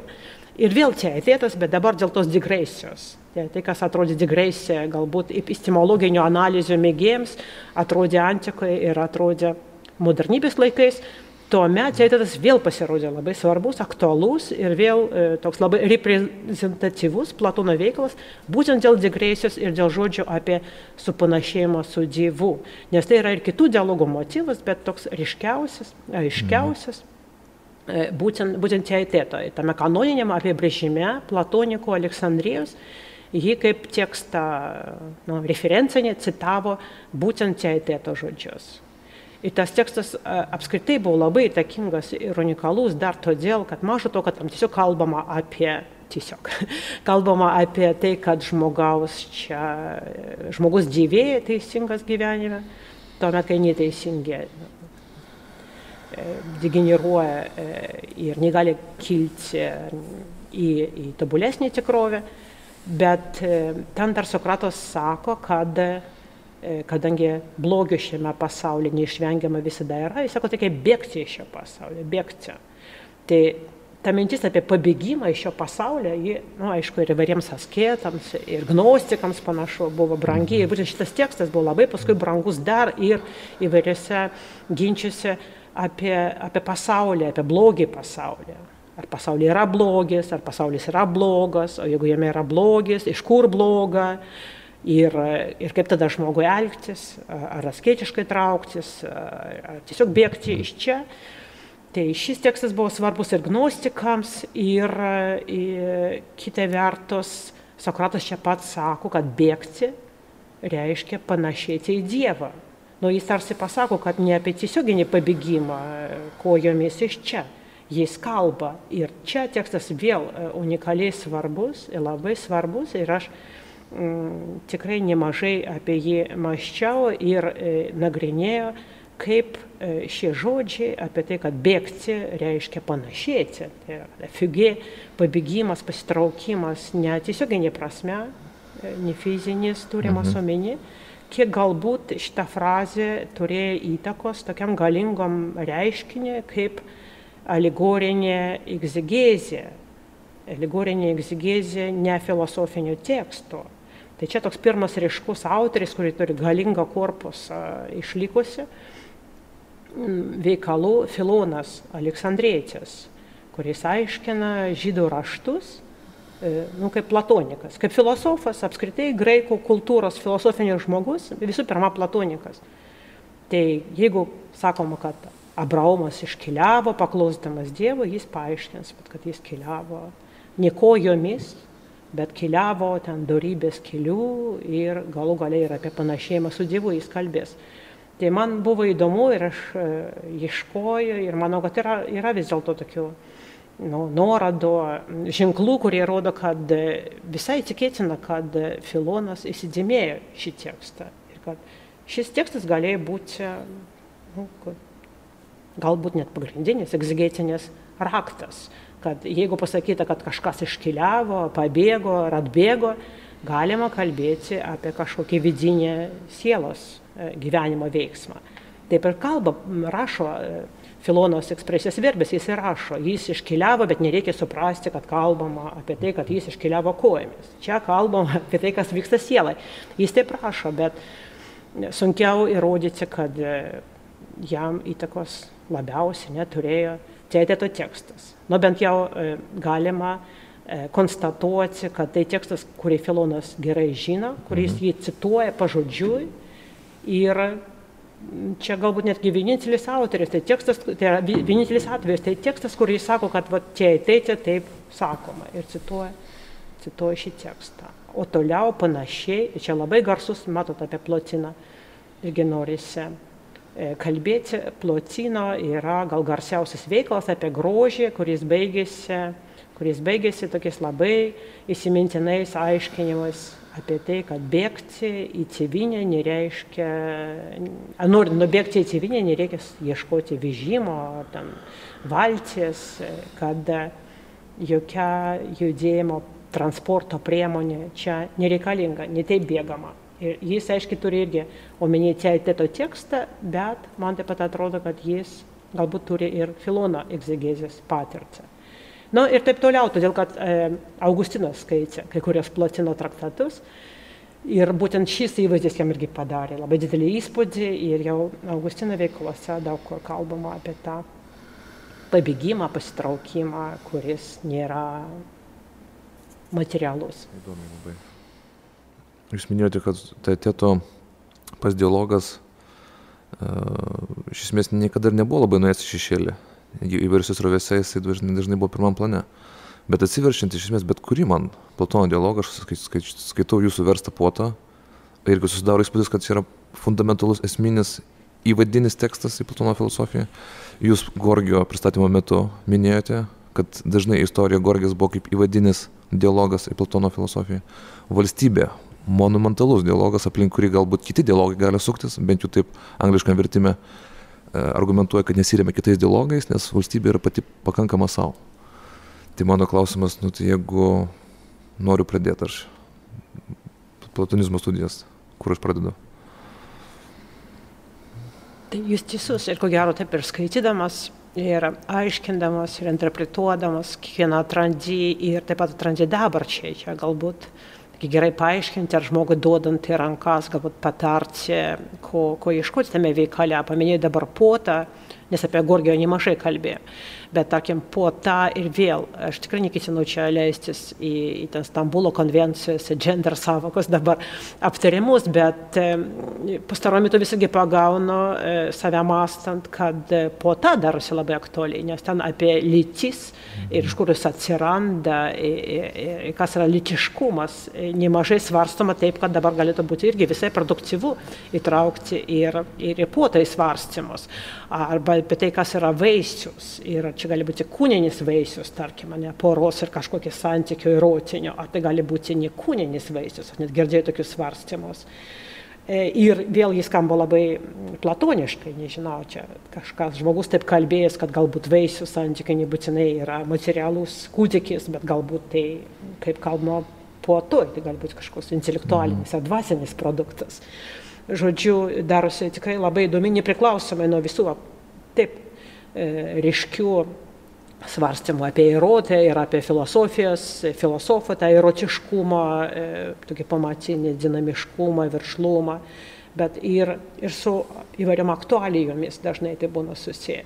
Teatėtas, kaip sakiau, jo čia irgi nesikė galėtų būti dabar prisimintas, bet vis dėlto tokie veikalai, Filėbas, apie Filėbo aktualumą gal mažai kalbėjom, net ir įvairiuose pristatymuose, bet Filėbas irgi be abejo galėtų būti labai aktualus, kalbant mhm. apie tai, kas yra geras gyvenimas, nu, kaip, yra, kaip galima konstruoti savo gyvenime ir kiek jame turi, ar gali būti racionalumą, malonumą, koks jų santykis ir kas yra pirmiausia, ir ar galima turėti tik malonumą ir vieną racionalumą, ir ar tai būtų geras gyvenimas. Žodžiu, čia vėl labai labai universalūs svarstymai, nu todėl Platonas yra toks nepamainamas autorius, kad, kaip teisingai pastebėt, kiekvienas kūrinys turi nu, didelį pasaulį ir tokį lankstų pasaulį dažniausiai kažko e, galintis nu, atsiliepti tai, ką mes šiandien išgyvename, e, turime ir svarstome. Tiesiog tokie veikalai kaip teatėtas, e, parmenidas, jo dar nėra lietuviškai, sofistas, kuris taip pat būtų labai vertingas teisinės, bet Filėbas jau yra teatėtas, E, šie veikalai vis dėlto jie turi labai daug tokių ir techninių analitinių svarstymų ir galbūt nu, ne, nepatyrusiam skaitytojui dar jie gali būti sausokie, sprangokie e, ir, ir sunkiau virškinami, bet e, todėl aš patarčiau, jeigu žmogus tiesiog nusvarsto ir pasidaro smalsų, Platoną skaityti, pradėti arba nuo Sokrato apologijos, nes tai ir gražus, įkvepiantis ir vėl daug kur tokias aktualės atliepiantis veikalas, arba nuo Gorgė, kuris taip pat turi tokį labai stiprią ir labai nu, atpažįstamą egzistencinę ir politinę e, skambėse.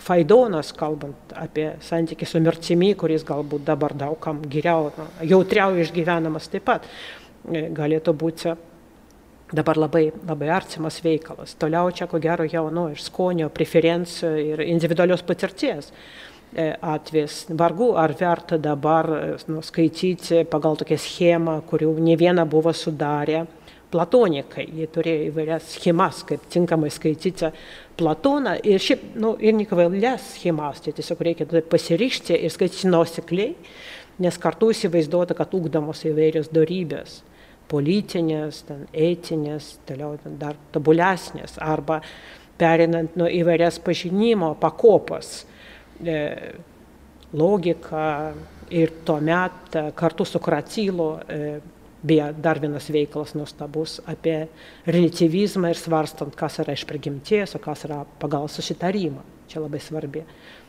šalia relativizmo tema, mhm. kas yra pagal prigimtį, kas yra pagal susitarimą. Tai Kratylas, kuris svarsto vardų, vardų įvairių dalykų pavadinimo, ne, prigimtį kaip jie yra iš prigimties, ar čia susitarimo žmonių dalykas. Ir kartu su teitėtu buvo du veikalai svarstyti, nuskaityti ir, ir, ir komentuoti, pažinant, pažindinant su epistemologijos klausimas. Gorgės e, ir Alkibedas su, su policinė, polinė etika. Filebas arba Timajus, tai aukštesnio, aukštesnio lygio tyrimo, bet taip yra temiškai, kadangi kalbama apie pasaulį arba taip kosmologiškai labai plačiai, kaip Timajuje, arba apie gėrio vietą žmogaus gyvenimą, kaip Filebė. Bet, žodžiu, mes mėginama arba tėmiškai, arba ir kartu ugdant įvairias sielos darybės. Tai, žodžiu, gali būti tokios programos, mm. bet dabartiniam pasaulyje, kur vis dėlto Platonas konkuruoja ir su Foucault, ir su Deleuzu, ir su Kantu, ir su visais kartu, ir su Sabuliauskaitė, tai e, ko gero galima tiesiog paimti vieną iš e, geriau paskaitomo, galbūt taip tiesiog geriau kalbančio, atsiverinčio veikalo.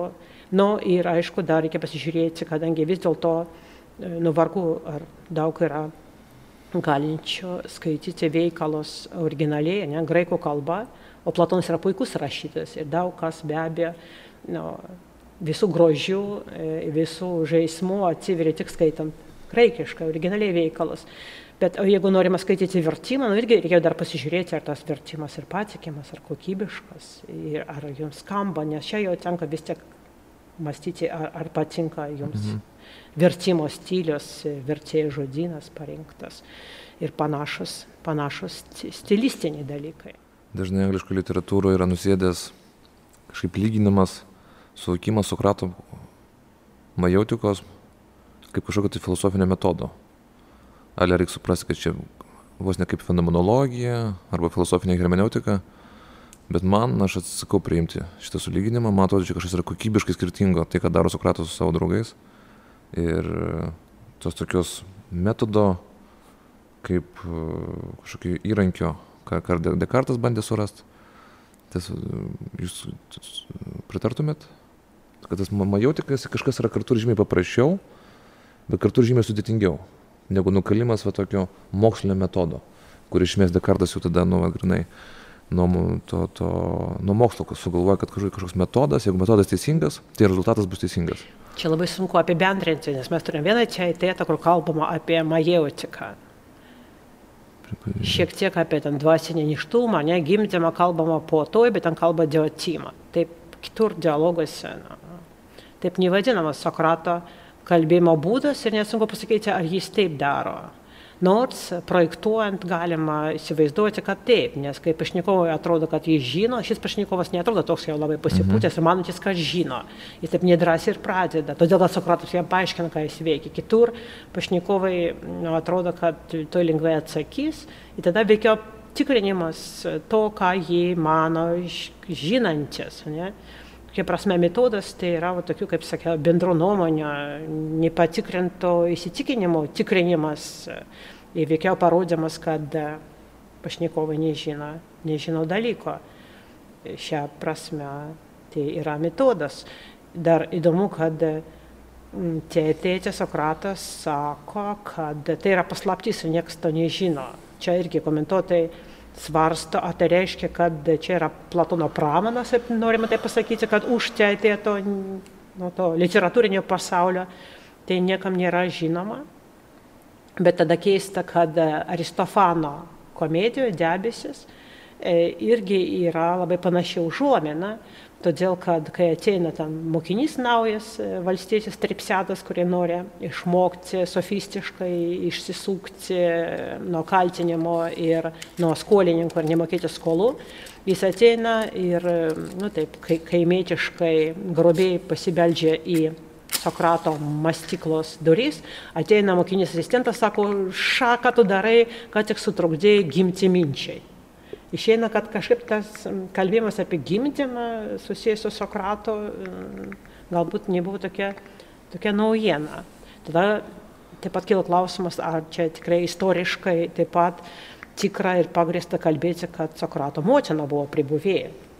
Ir dar turinti tokį E, nu, keistai labai iškalbingą vardą, faina rėtė, reiškia parodančią darybę, apreiškinčią darybę. Nu, per daug čia viskas jau gražiai, gražiai sueina ir sutampa, bet tas Aristofano liūdimas verčia vis dėlto susimastyti. Čia vis dėlto galbūt tai nėra tik Platono pramanas. Nu, tai man atrodo, kad metodas ta prasme, kad demaskuoja, dekonstruoja neartikuliuotus e, įsitikinimus aplinkinio tokiu būdu. Tokiu būdu Sokratas, nes jis pats pabrėžia, kas čia svarbiausia, net ne tiek padėti gimti, nes iš esmės, ką ten, kažin ką pagimdo, dažniausiai mhm. kažkokia ten tokia e, užuomasga. O, o, o visa kita, visa kita analitinį darbą atlieka Sokratas pats.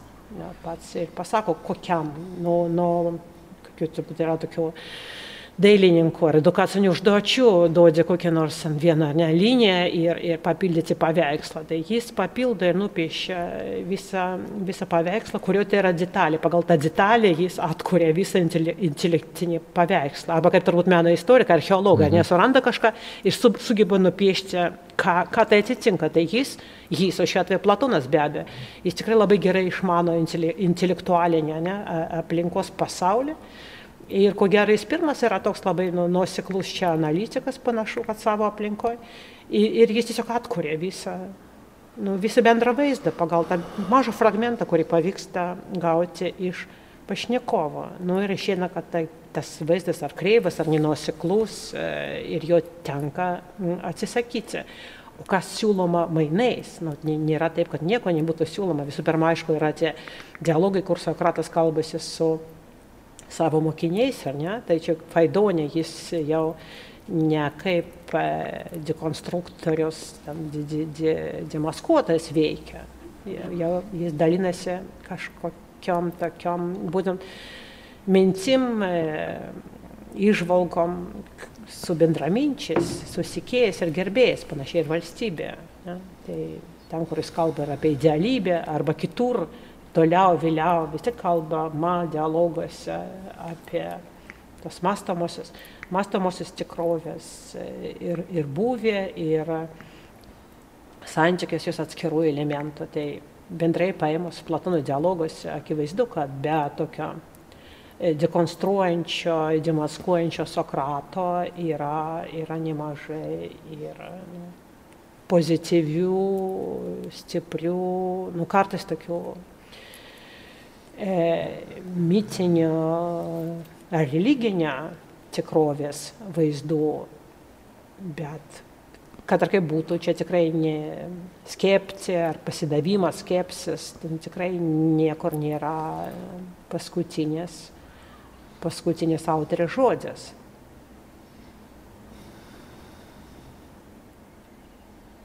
Bet vis tiek labai daug yra, aš nes nesinorim galvoti, kad tie skeptikai ten kvaili žmonės buvo. Aš kažkaip galima ir juos suprasti, tą jų tokią liniją. Skeptikus labai galima suprasti. Jį taip pat turėjo būti, nu, norėjo būti ir, ir nuoseklus, ir, ir nuoširdus Platono skaitytojai, gal intelektualiai sažiningi skaitytojai. Bet nepastebėti, bet jo mhm. Platoną, norint būti ištikimam Platoną, norint būti ištikimų akademikų, nu, sunku nepastebėti ir to pozityvaus dialogo patoso. sunku perskaityti dialogus tik kaip e, skeptiko ar skepticizmo manifestą. Biški redukcija vyksta tada. Nepanašu, kad, nepanašu, kad autorius, galbūt tas įspūdis e, gali būti sudarytas, bet nepanašu, kad tokia būtų autorius intencija. Mhm. Man ir gorgiai sunku skaityti kaip veikalą, kuriame Sokratas e, nieko nelaimė ir nieko nepasiekia. Galbūt tai tam tikrai iš ankstinė nuostata, sunku pasakyti, bet e, aš tas e, veikalas mm, skaitau taip optimistiškai, man išvadas artimesnės atrodo optimistinės. Todėl ir čia atėtas štai man toks vienas dekoratyvus, bet atrodo iškalbingas elementas veikalas yra žalios spalvos, ne viršelis knygos yra žalias. Čia būtent todėl, kad aš matau jo finalą optimistiškai. Na, daugelį prasme. Ir todėl, kad čia kas nori platonizmas arba, man atrodo, toks reformuotas platonizmas gimsta vis dėlto. Ir todėl, kad štai Sokratas turi tokią galų galę jauną įpėdinį, nu, labai gabų mokinį, kuris gali likti gali likti filosofuoti vietoj Sokrato, čia vienas iš paskutinio ir Sokratų ir rūpėjusio pokalbio su, su jaunuoliu, kuris yra nu, labai, labai jautrus mhm. mokslo, labai gabus mokslai. Toks jaunas Platonas. E, istorikai čia komentuoti irgi svarsto ir ginčiasi apie tai, koks epizodas istorinis vaizduojamas įžangoje, nes teatėtas yra sužeistas ir panašu, kad miršta. Miršta ir teatėtas. Miršta prieš tai drąsiai, pilietiškai kovojęs už savo polį. Tai irgi argumentas, kad Sokratas tikrai negadino jaunimo. Štai puikus pilietis, puikus karys. E, buvo žmogus, kuris su juo bendravo. Mm, bet yra dar visas padavimas apie tai, kaip Teitėtas akademija dar bendradarbiavo vėliau su Platonu ir tam padarė nemažai puikių matematinio atradimų ir viskas, kas yra apie matematiką, Platono dialoguose, tai buvo linkstama sieti su Teitėtu, manyti, kad čia Teitėtas matematikas, mhm. ten buvo kitų matematikų, architas, ten buvo puikių matematikų, tikrai akademija, e, astronomija, žinovai, matematikos, Platono aplinkoje. Ir jeigu taip, Tai čia svarstama, koks tai galėtų būti mūšis. Ir manoma, kad nu, rado istorikai tokie mūšį Korinto, kuris ten apie 50 metus turėjo vykti. Žodžiu, praėjus 50 beveik metų po Sokrato mirties. Nes manoma, kad todėl ta įžanga atsirado ir čia tas dedikacija teitėtui, sužeistam ir mirusiam. Bet mane labiau įtikino mm, pozicija ir argumentai manančio, kad vis dėlto čia pavaizduotas Korinto karas ketvirto amžiaus pradžios. Ir panašu, kad tėtis mirė labai jaunas. Ir netgi gali būti, nes yra tokių istorinių žinių, nelabai patikimų, bet nebūtina būti taip skeptiškai viską žiūrėti, kad ir Platonas dalyvavo to Korinto karo mūšyje. Tai gali būti tai būtų tas pats mūšis, kuriame dalyvavo ir pats Platonas, ir gali būti, kad Tėtitas iš tiesų mirė labai jaunas. Nu, ir jis, jis galėtų būti ir savotiškas Platono alter ego, tas Tėtitas. Tai gavosi, kad Sokrato pranašystė nesipildė. Nes jis pranašavo, kad jeigu ta teta sulauks brandaus amžiaus, bus šlovingas. Jeigu, tai būtent ta, tai, tai, jis sakė, jeigu taip, neišsipildė, Bet ta, jeigu ta sąlyga tokia irgi labai mm, iškalbinga, kodėl jis abijoja, ar jis sulauks brandaus amžiaus. Nes jis kaip ir nesulaukė jos, bet šlovėta jam jam žinojau. Jis jam žino jį šio veikalo, bet kitą vertus Platonas galėjo nepavydėti, kad kažkas kitas mhm. lieka stiprių įpėdinių, kažkas kitas taip panašus į Sokratą, kad galbūt jis pats e, norėtų būti, norėjęs būti. Man visą laiką buvo klausimas, kažkaip, šiaip tradicijų tai dažnai suvokiama toks testinumas tarp Aristotelio ir Platono, bet Aristotelio mąstymas yra kažkaip kardinaliai skirtingas, man atrodo. Vat aš atsimenu, vat, partininkas irgi minėjo, kad Aristotelis vos ne barbaras. Ateina iš šiaurės ir visai kitu, visai kitokiais, visai kitų savokynų, visai kitaip suvokia tuos pačius dalykus ir dar tokį padaro didžiulę įtaką Platonui. Tai man čia kaip šitą reikia dalyką suprasti, kad tokie du fundamenta, fundamentalūs, ar manoma apskritai, kad tokio lygio genijai gimtų e, tam pačiam šimtmetį, gyventų kartu? Kas ten atsitiko su graikais, sunku pasakyti, bet atsitiko tikrai kažkoks nuostabus dalykas. Ir aš ne, ne iš tų žmonių, kurie turi teoriją ar kokią nors teoriją labai palaiko, ten dėl klimato, dėl vaizdo, ne per karštą, ne per šiltą, ne kaip pačias, mhm. pats Platonas, paskui Aristotelis aiškina, na, tarkim, čia Lietuvoje per šaltą, kad mąstytume ten, paskui, nu dabar ir pačioje Graikijoje galbūt per karštą, neįmanoma, reikia tokį turėti kažkokią nuosaiko klimatą, kad mhm. žmogus mąstytų, paskui ten ir vėlesniais laikais ar ne buvo nemažai aiškinta, koks ten ryškus dangus, ryškus gražus kraštovaizdis, e, mm, šviesa, e, kontūrai, aiškumas. Nežinia, kas įvyko, bet e, žinia ir akivaizdu, kad nu, kažkoks toks plastiškumas, judėjimas, judrumas, kuris prasiveržė įvairiose kryptise. Čia galima lyginti tai, kas tai vyko su mąstymu, ne? Su būtent artikuliavimu, galima lyginti su to, kas įvyko minė, taip vaizdžiai, vizualiai, kaip iš Egipto atkeliavo tie korai kūrai, tokios labai nustatiškos, hieratinės, mhm. sustingusios figūros, kurias matom dar šeštam amžiuje, ir paskui atsiranda kontraposto figūra, tokia ten tie garsus jo poliklėto, doriforas, panašus atsipalaidavę ir tokie gyvi ir plastiški personažai, figūros. Nu, tas plastiškumas, judrumas, kuris atsiranda iš tokio labai sustingusio, sustingusio figūrų, e, tas pats, man atrodo, atsitinka kartu, greta, šalia ir, ir su mąstymu, su svarstymu. Tik įmama kažkaip kultivuoti va, tą mąstymą atskirai, kaip veiklą. Ir kiturgi mąstoma ir mąstyta, bet tiesiog tą veiklą įmama vertinti, kultivuoti, tobulinti ir pasiekta štai tokių neįtikėtino, neįtikėtino rezultatų. Tam tikroje vietoje, tam tikrų mhm. laikų. Čia atradimas, šia prasme, tai tikrai filosofijos atradimas.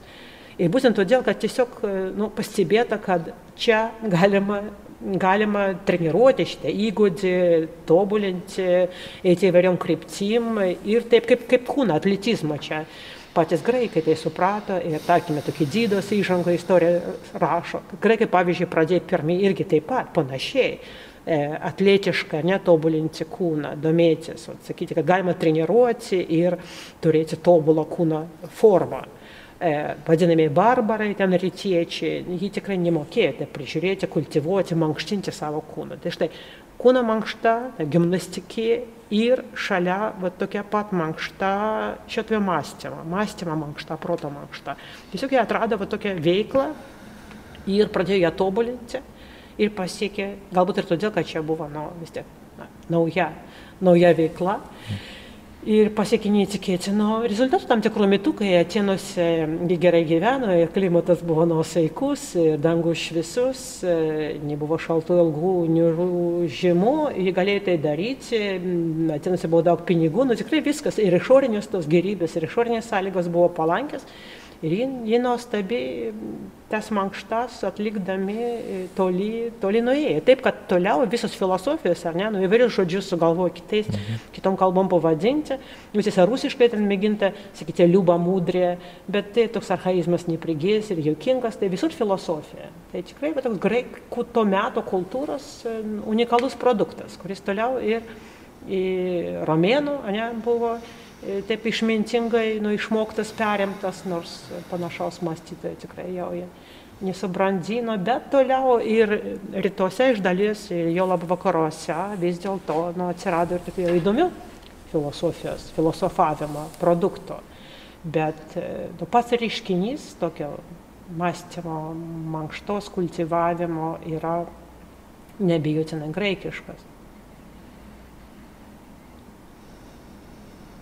O Aristotelis, ar jis masto labai kitaip. Žinia, kad e, rašė veikalus, e, kurie neišliko, štai Aristotelio mokykla nebuvo tokia E, tokia gerai be pertraukos beveik funkcionuojanti kaip Platoną ir jo e, korpusas daug raštų, daug labiau išbarstytas ir buvo prarastas mhm. ir, ir ne iš karto surastas, ne iš karto surinktas ir, ir toli gražu, toli gražu jo veikalai kitaip negu Platoną. E, ne, neišliko ir buvo veikalų, sakoma, kad gražiai, vos ne Platono e, stilios kokybės e, dialogų, kurį mes neturim, o tie fragmentai, kurios, kurios žinom, aišku, jie nėra labai, nėra labai spūdingi, bet jis rašė panašius veikalus, galbūt ir pradėjo mėgdžiodamas Platoną. Taip gali būti, o toliau tai galbūt priklauso ir to tiesiog nu, sielos ir mąstymo temperamento. Aristotelis labiau, labiau mokslininkas, labiau mhm. tyrėjas, jeigu Platonas ir, ir rašytojas, ir dramaturgas, e, ir mistifikatorius, e, mistifikuotojas. E, Aristotelis toks nuoširdesnis ir nuoseklesnis mokslininkas tyrėjas. Mhm. Vadinasi, kažko netenkame ir kažką, ir kažką pamatome naujo, nes jis kaip tyrėjas, ir taip vėl apie egzistencinius dalykus kalbant, tai nėra tokių įsimintinų galingų nu, literatūrinių įvaizdžių, nėra tokio polikio, nėra tokios eschatologijos, vieniems jie patinka, kitus erzina, bet jos čia nėra, o kita vertus, nu, jo labai irgi išvalgios, labai taiklios e, etinio gyvenimo, polinio, socialinio gyvenimo analizės ir dėl tokio išvalgumo, taiklumo jos irgi labai, labai aktualios, labai paskaitomas, labai suprantamos. Tai kam nors gali nepatikti tas Platono teatras, bet tuomet, tarkime, gali labai patikti Aristotelė Nikomacho etika nu tik ji yra lietuviškai, dar yra ir Eudemo etika. Mhm. Vadinamoji didžioji etika, bet žodžiu, Aristotelio etiniai veikalai arba Aristotelio politika irgi e, nu, toks visai, visai aktualus, e, visai e, aktualus būtų skaitimas. Įdomus ir daug galbūt kur padedantis susivokti. Jo, labai. Šiaip man turiu tokią nuojautą, kad šiaip Aristotelis didesnį įtaką padarė kad jo tas analitiškumas, tikslumas, moksliškumas, nu šiaip dabartinį paėmėt mokslinį diskursą, tai jis yra aristotelinis, ne, ne platoniškas. Mokslinis diskursas, taip. Mhm. Jeigu mes skaitom dabar knygą, tyrimą, monografiją, jis yra aristoteliškas, bet Platonas, nu, kitais keliais. Kitais keliais per literatūrą, poeziją, teologiją, taip pat atėjo labai gausiom srovėm ir į mūsų laikus. Ir dabar galbūt vėl daugiau ir 20 amžiaus pabaigoje, 20 amžiaus pradžioje, kad daugiau eksperimentuojama ir žaidžiama mhm. ir vėl norima daugiau galbūt meno įtraukti į filosofiją, tai čia Platonas vėl gali kartais pralenkti Aristotelį. Čia kada buvo debatai Vilniui, Platonas prieš Aristotelį, už ką balsavot profesorė? Mm. tada politiškai balsavau už Aristotelį, bet aš manau, kad taip nuoširdžiai be abejo, bendrai paėmus visas įtakas ir kartu sudėjus, Platonas yra svarbesnis ir galingesnis. Nu, visų elementariai ir paprastai Aristotelis yra Platono mokinys. Ir šiuo atveju labai lengva pasakyti, kad be Platono nebūtų Aristotelio. Bet e, ne vice versa ir galų gale tokio nu, moksliškumo, mokslinio nuosiklaus tyrimo irgi ir iš Platono paties, ir iš tos visos akademinės aplinkos mokėsi Aristotelis. Nes, kaip sakiau, e, Platonas, nu, žinoma, tyriama, kaip veikia jo akademija. Tai įvairius ryčių specialistai, mokslininkai dėsti savo dalykus, tai galima sakyti, toks buvo pirmas universitetas. Ir panašu, kad Aristotelis, tarkim, Platono santykis buvo įtemptas vis tiek su retorika, tai panašu, kad Aristotelis ten dėstė retorikos dalykus. Ir taip Platonas panašu, kad skatino įvairių krypčių tokius ir nuoseklesnius tyrimus. Galbūt jis pats per daug buvo menininkas, per daug buvo rašytojas, mhm. kai kur, per daug, ar nežinau, čia galima būti per daug bet kaip ten kviečiamas Timajas e, kalbėti apie kosmologiją, pasaulio sukūrimą, nu paprastai taip pat panašiai ir akademija, įvairių žinių, e, įvairių sričių žinovai galėjo dėstyti savo dalykus. Tai Aristotelis ir jo mąstymas ir jo metodas yra ir, ir akademijos mhm. aplinkos vaisius.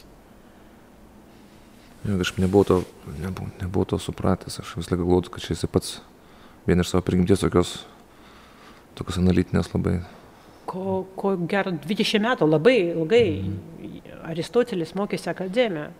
Ir todėl jo veikaluose ne tik Platono, tas irgi, jeigu įdėmiau žiūrėtumėt, nusteptumėt, kiek iš tiesų jis atsiliepia, cituoja, parafrazuoja, kartais polemizuoja su Platono, bet uh, nuolatos. Ir etikoje, ir metafizikoje. E, ir iš tiesų visas visas taip pat ir tas moksliškumas ir, ir nuosiklus vieno ar kito klausimo, vienos ar kitos ryties tyrimas, tai irgi yra, yra akademijos palikimas.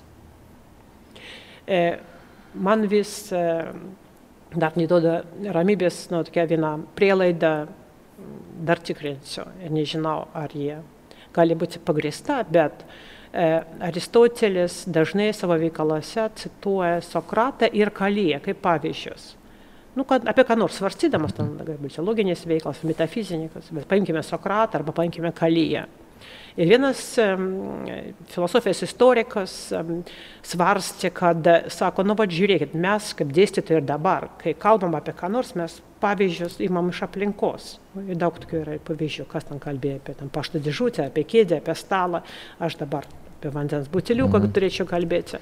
Ir kodėl Aristotelis vis kalba apie Sokratą ir Kalyją? Matyt, ten buvo galbūt auditorija paveikslas, kuriais vaizdavo Sokratą ir Kalyją. Bet Sokratas ir Kalėjas neriškus mano, mano manimo epizodas iš Protagoro, kai Sokratas sako, nu jeigu šitaip dabar atsisako Protagoras kalbėtis, taip mhm. kaip reikėtų, aš išeinu, o Kalėjas, šeimininkas jį sustabdo. Ir tas e, filosofijos istorikas įsivaizdavo, galbūt va, toks paveikslas buvo e, auditorija, kur dėstė Aristotelis, todėl jis visą laiką cituoja Sokratą ir Kalyje. Man daug labiau patiktų, bet čia reikėtų, nežinau, ar tam įmanoma surasti kokį nors poliografinį, tai yra rankraštį su pagrindimu, bet man daug labiau patiktų e, galvoti, manyti, kad iš tiesų ne Kalyjas, o Kaliklis turimas omenyje. Ir pavyzdžiui, Sokrato ir Kaliklio akivaizda, o tokį paveikslą aš labai įsivaizduočiau. Ne? Akademija didžiulį pano Sokrato ir Kaliklių dvikova. Nes čia tikrai susijęs su akademijos įkūrimu, kaip man atrodo. Ir tada aš labai suprasčiau, kodėl, kodėl Aristotelis e, minė Sokratą ir Kaliklį kaip tokius paradigminės pavyzdžius, kaip, pavyzdžius, kaip svarsto na, įvairius labai klausimus. Tai čia tiesiog reikėtų pasižiūrėti į rankraščius ir čia tik poliografiškai būtų galima įrodyti, kad Kaliklis, mhm. kažkaip trumpinant, mhm. nesurašant, Kaliklis pavirtų Kalyje. Bet čia kalbant apie tai, kokią įtaką akademijos aplinka padarė padarė Aristotelė. Nu, toliau yra įvairių irgi tokių istorinių, kvazi istorinių anegdotų apie tai, kaip Aristotelis tikėjosi, kad jis toks gabus asistentas e, bus e, paskirtas įpėdinio akademijos, kaip tai taip neatsitiko. Tos istorijos apie tai, kad buvo iš keliavęs ksinokratas, o ten Aristotelis kriaudėjo pagyvenusi Platoną, neleido jam ten vaikščioti jo keliais, o grįžęs ksinokratas, nu, ten davė visiems Vilnių ir gražino į vietą e, Platoną. Tai įvairūs nu, akademijos kritikai ir priešai galėjo tokius E, tokius pasakojimus platinti, skleisti, bet iš tiesų tam panašu, kad buvo nemažai įtampų susijusių su to, kas mhm. taps Aristotelio įpėdinio, nu, panašiai kaip Aleksandro Diadoch. Šiek tiek, šiek tiek buvo Diadochų karų, tų įpėdinio ir, ir Platono akademija. Ir Aristotelis akivaizdžiai buvo e, nusivylęs po to, kai jam neteko vadovo sostas. Todėl jis turėjo iškeliauti nu, ir, ir burti, burti savo, savo aplinką ir galiausiai grįžęs vėliau į Atenos kitur pradėti savo mokslus, įkurti savo mokyklą. Man kažkaip pasikeitė dabar suvokimas apie jų santykių visai. Aš tik galvoju, Aristotelis buvo superkietas labai veikėjas. Aišku, ir yra, bet bet aš mačiau, kad jisai, kad grinai įsivaizduodavau tokį vaizdinį, kad čia iš šiaurės, nes labai šiaurės graikai skiriasi nuo pietų, ir man vis laiką primindavo Lietuvą labiau.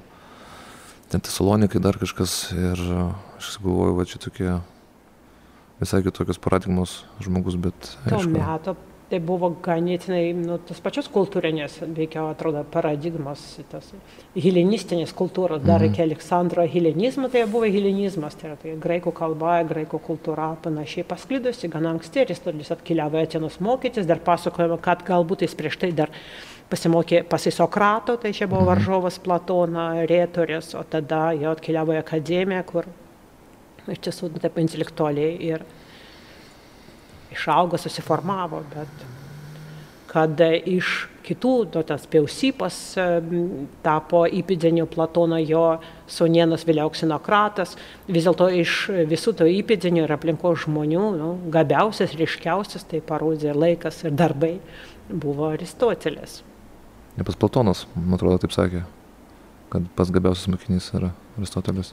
Lyginus su Kumiliuku, jo, jo, jo. Inoringo, Aristotelis, o, o vėliau Platinas, kuris jau niekaip tiesiogiai nesusijęs su Platono Aristotelio tradicija ir jis tas Aleksandrijos, jau čia naujas mhm. platonizmas, jis ryškiausias buvo Aleksandrijos aplinkoje tos jau poskeptiškos, poskeptiškos, poskeptiškojo laikotarpio. Akademija instituciškai gyvavo, gyvavo iki pirmojo amžiaus, kai Sūla, e, Romėnų karo vadas, todėl kad atiniečiai palaikė e, Mitridatą ir mėgino nu, nu, nusimesti Romėnų jungą. Tai Sūla tai buvo tokia nu, represinė priemonė, nusiaubė Atenos ir, nu štai visai negailestingai ir nekultūringai taip pat nusiaubė į tą akademo giraitį, kur veikia akademija. Tai ta istorinė vieta taip ir, taip ir neatsigavo, taip ir neatsikūrė. Nors akademijos tradicija nenutrūko, bet istoriškai mhm. akademo, akademo šventovė E, buvo apleista. Tai dabar beje archeologai jau 21 amžiuje visai ten nu, su, su, suaktyvėjo, e, kasinėdami ir tirdami akademijos taip pat palikimą, kaip ir likėjo beje mhm. Atenuose. Tai yra e, kasinėjimai, kurie dabar kaip tik yra, nu, tebesitėse ir visokių naujų, galbūt ir atradimų iš to galima tikėtis. Nežinia, vargu ar surasta paveikslą, kuris įkvėpė Aristotelį, bet kažkokiu radzeniu dar gali būti.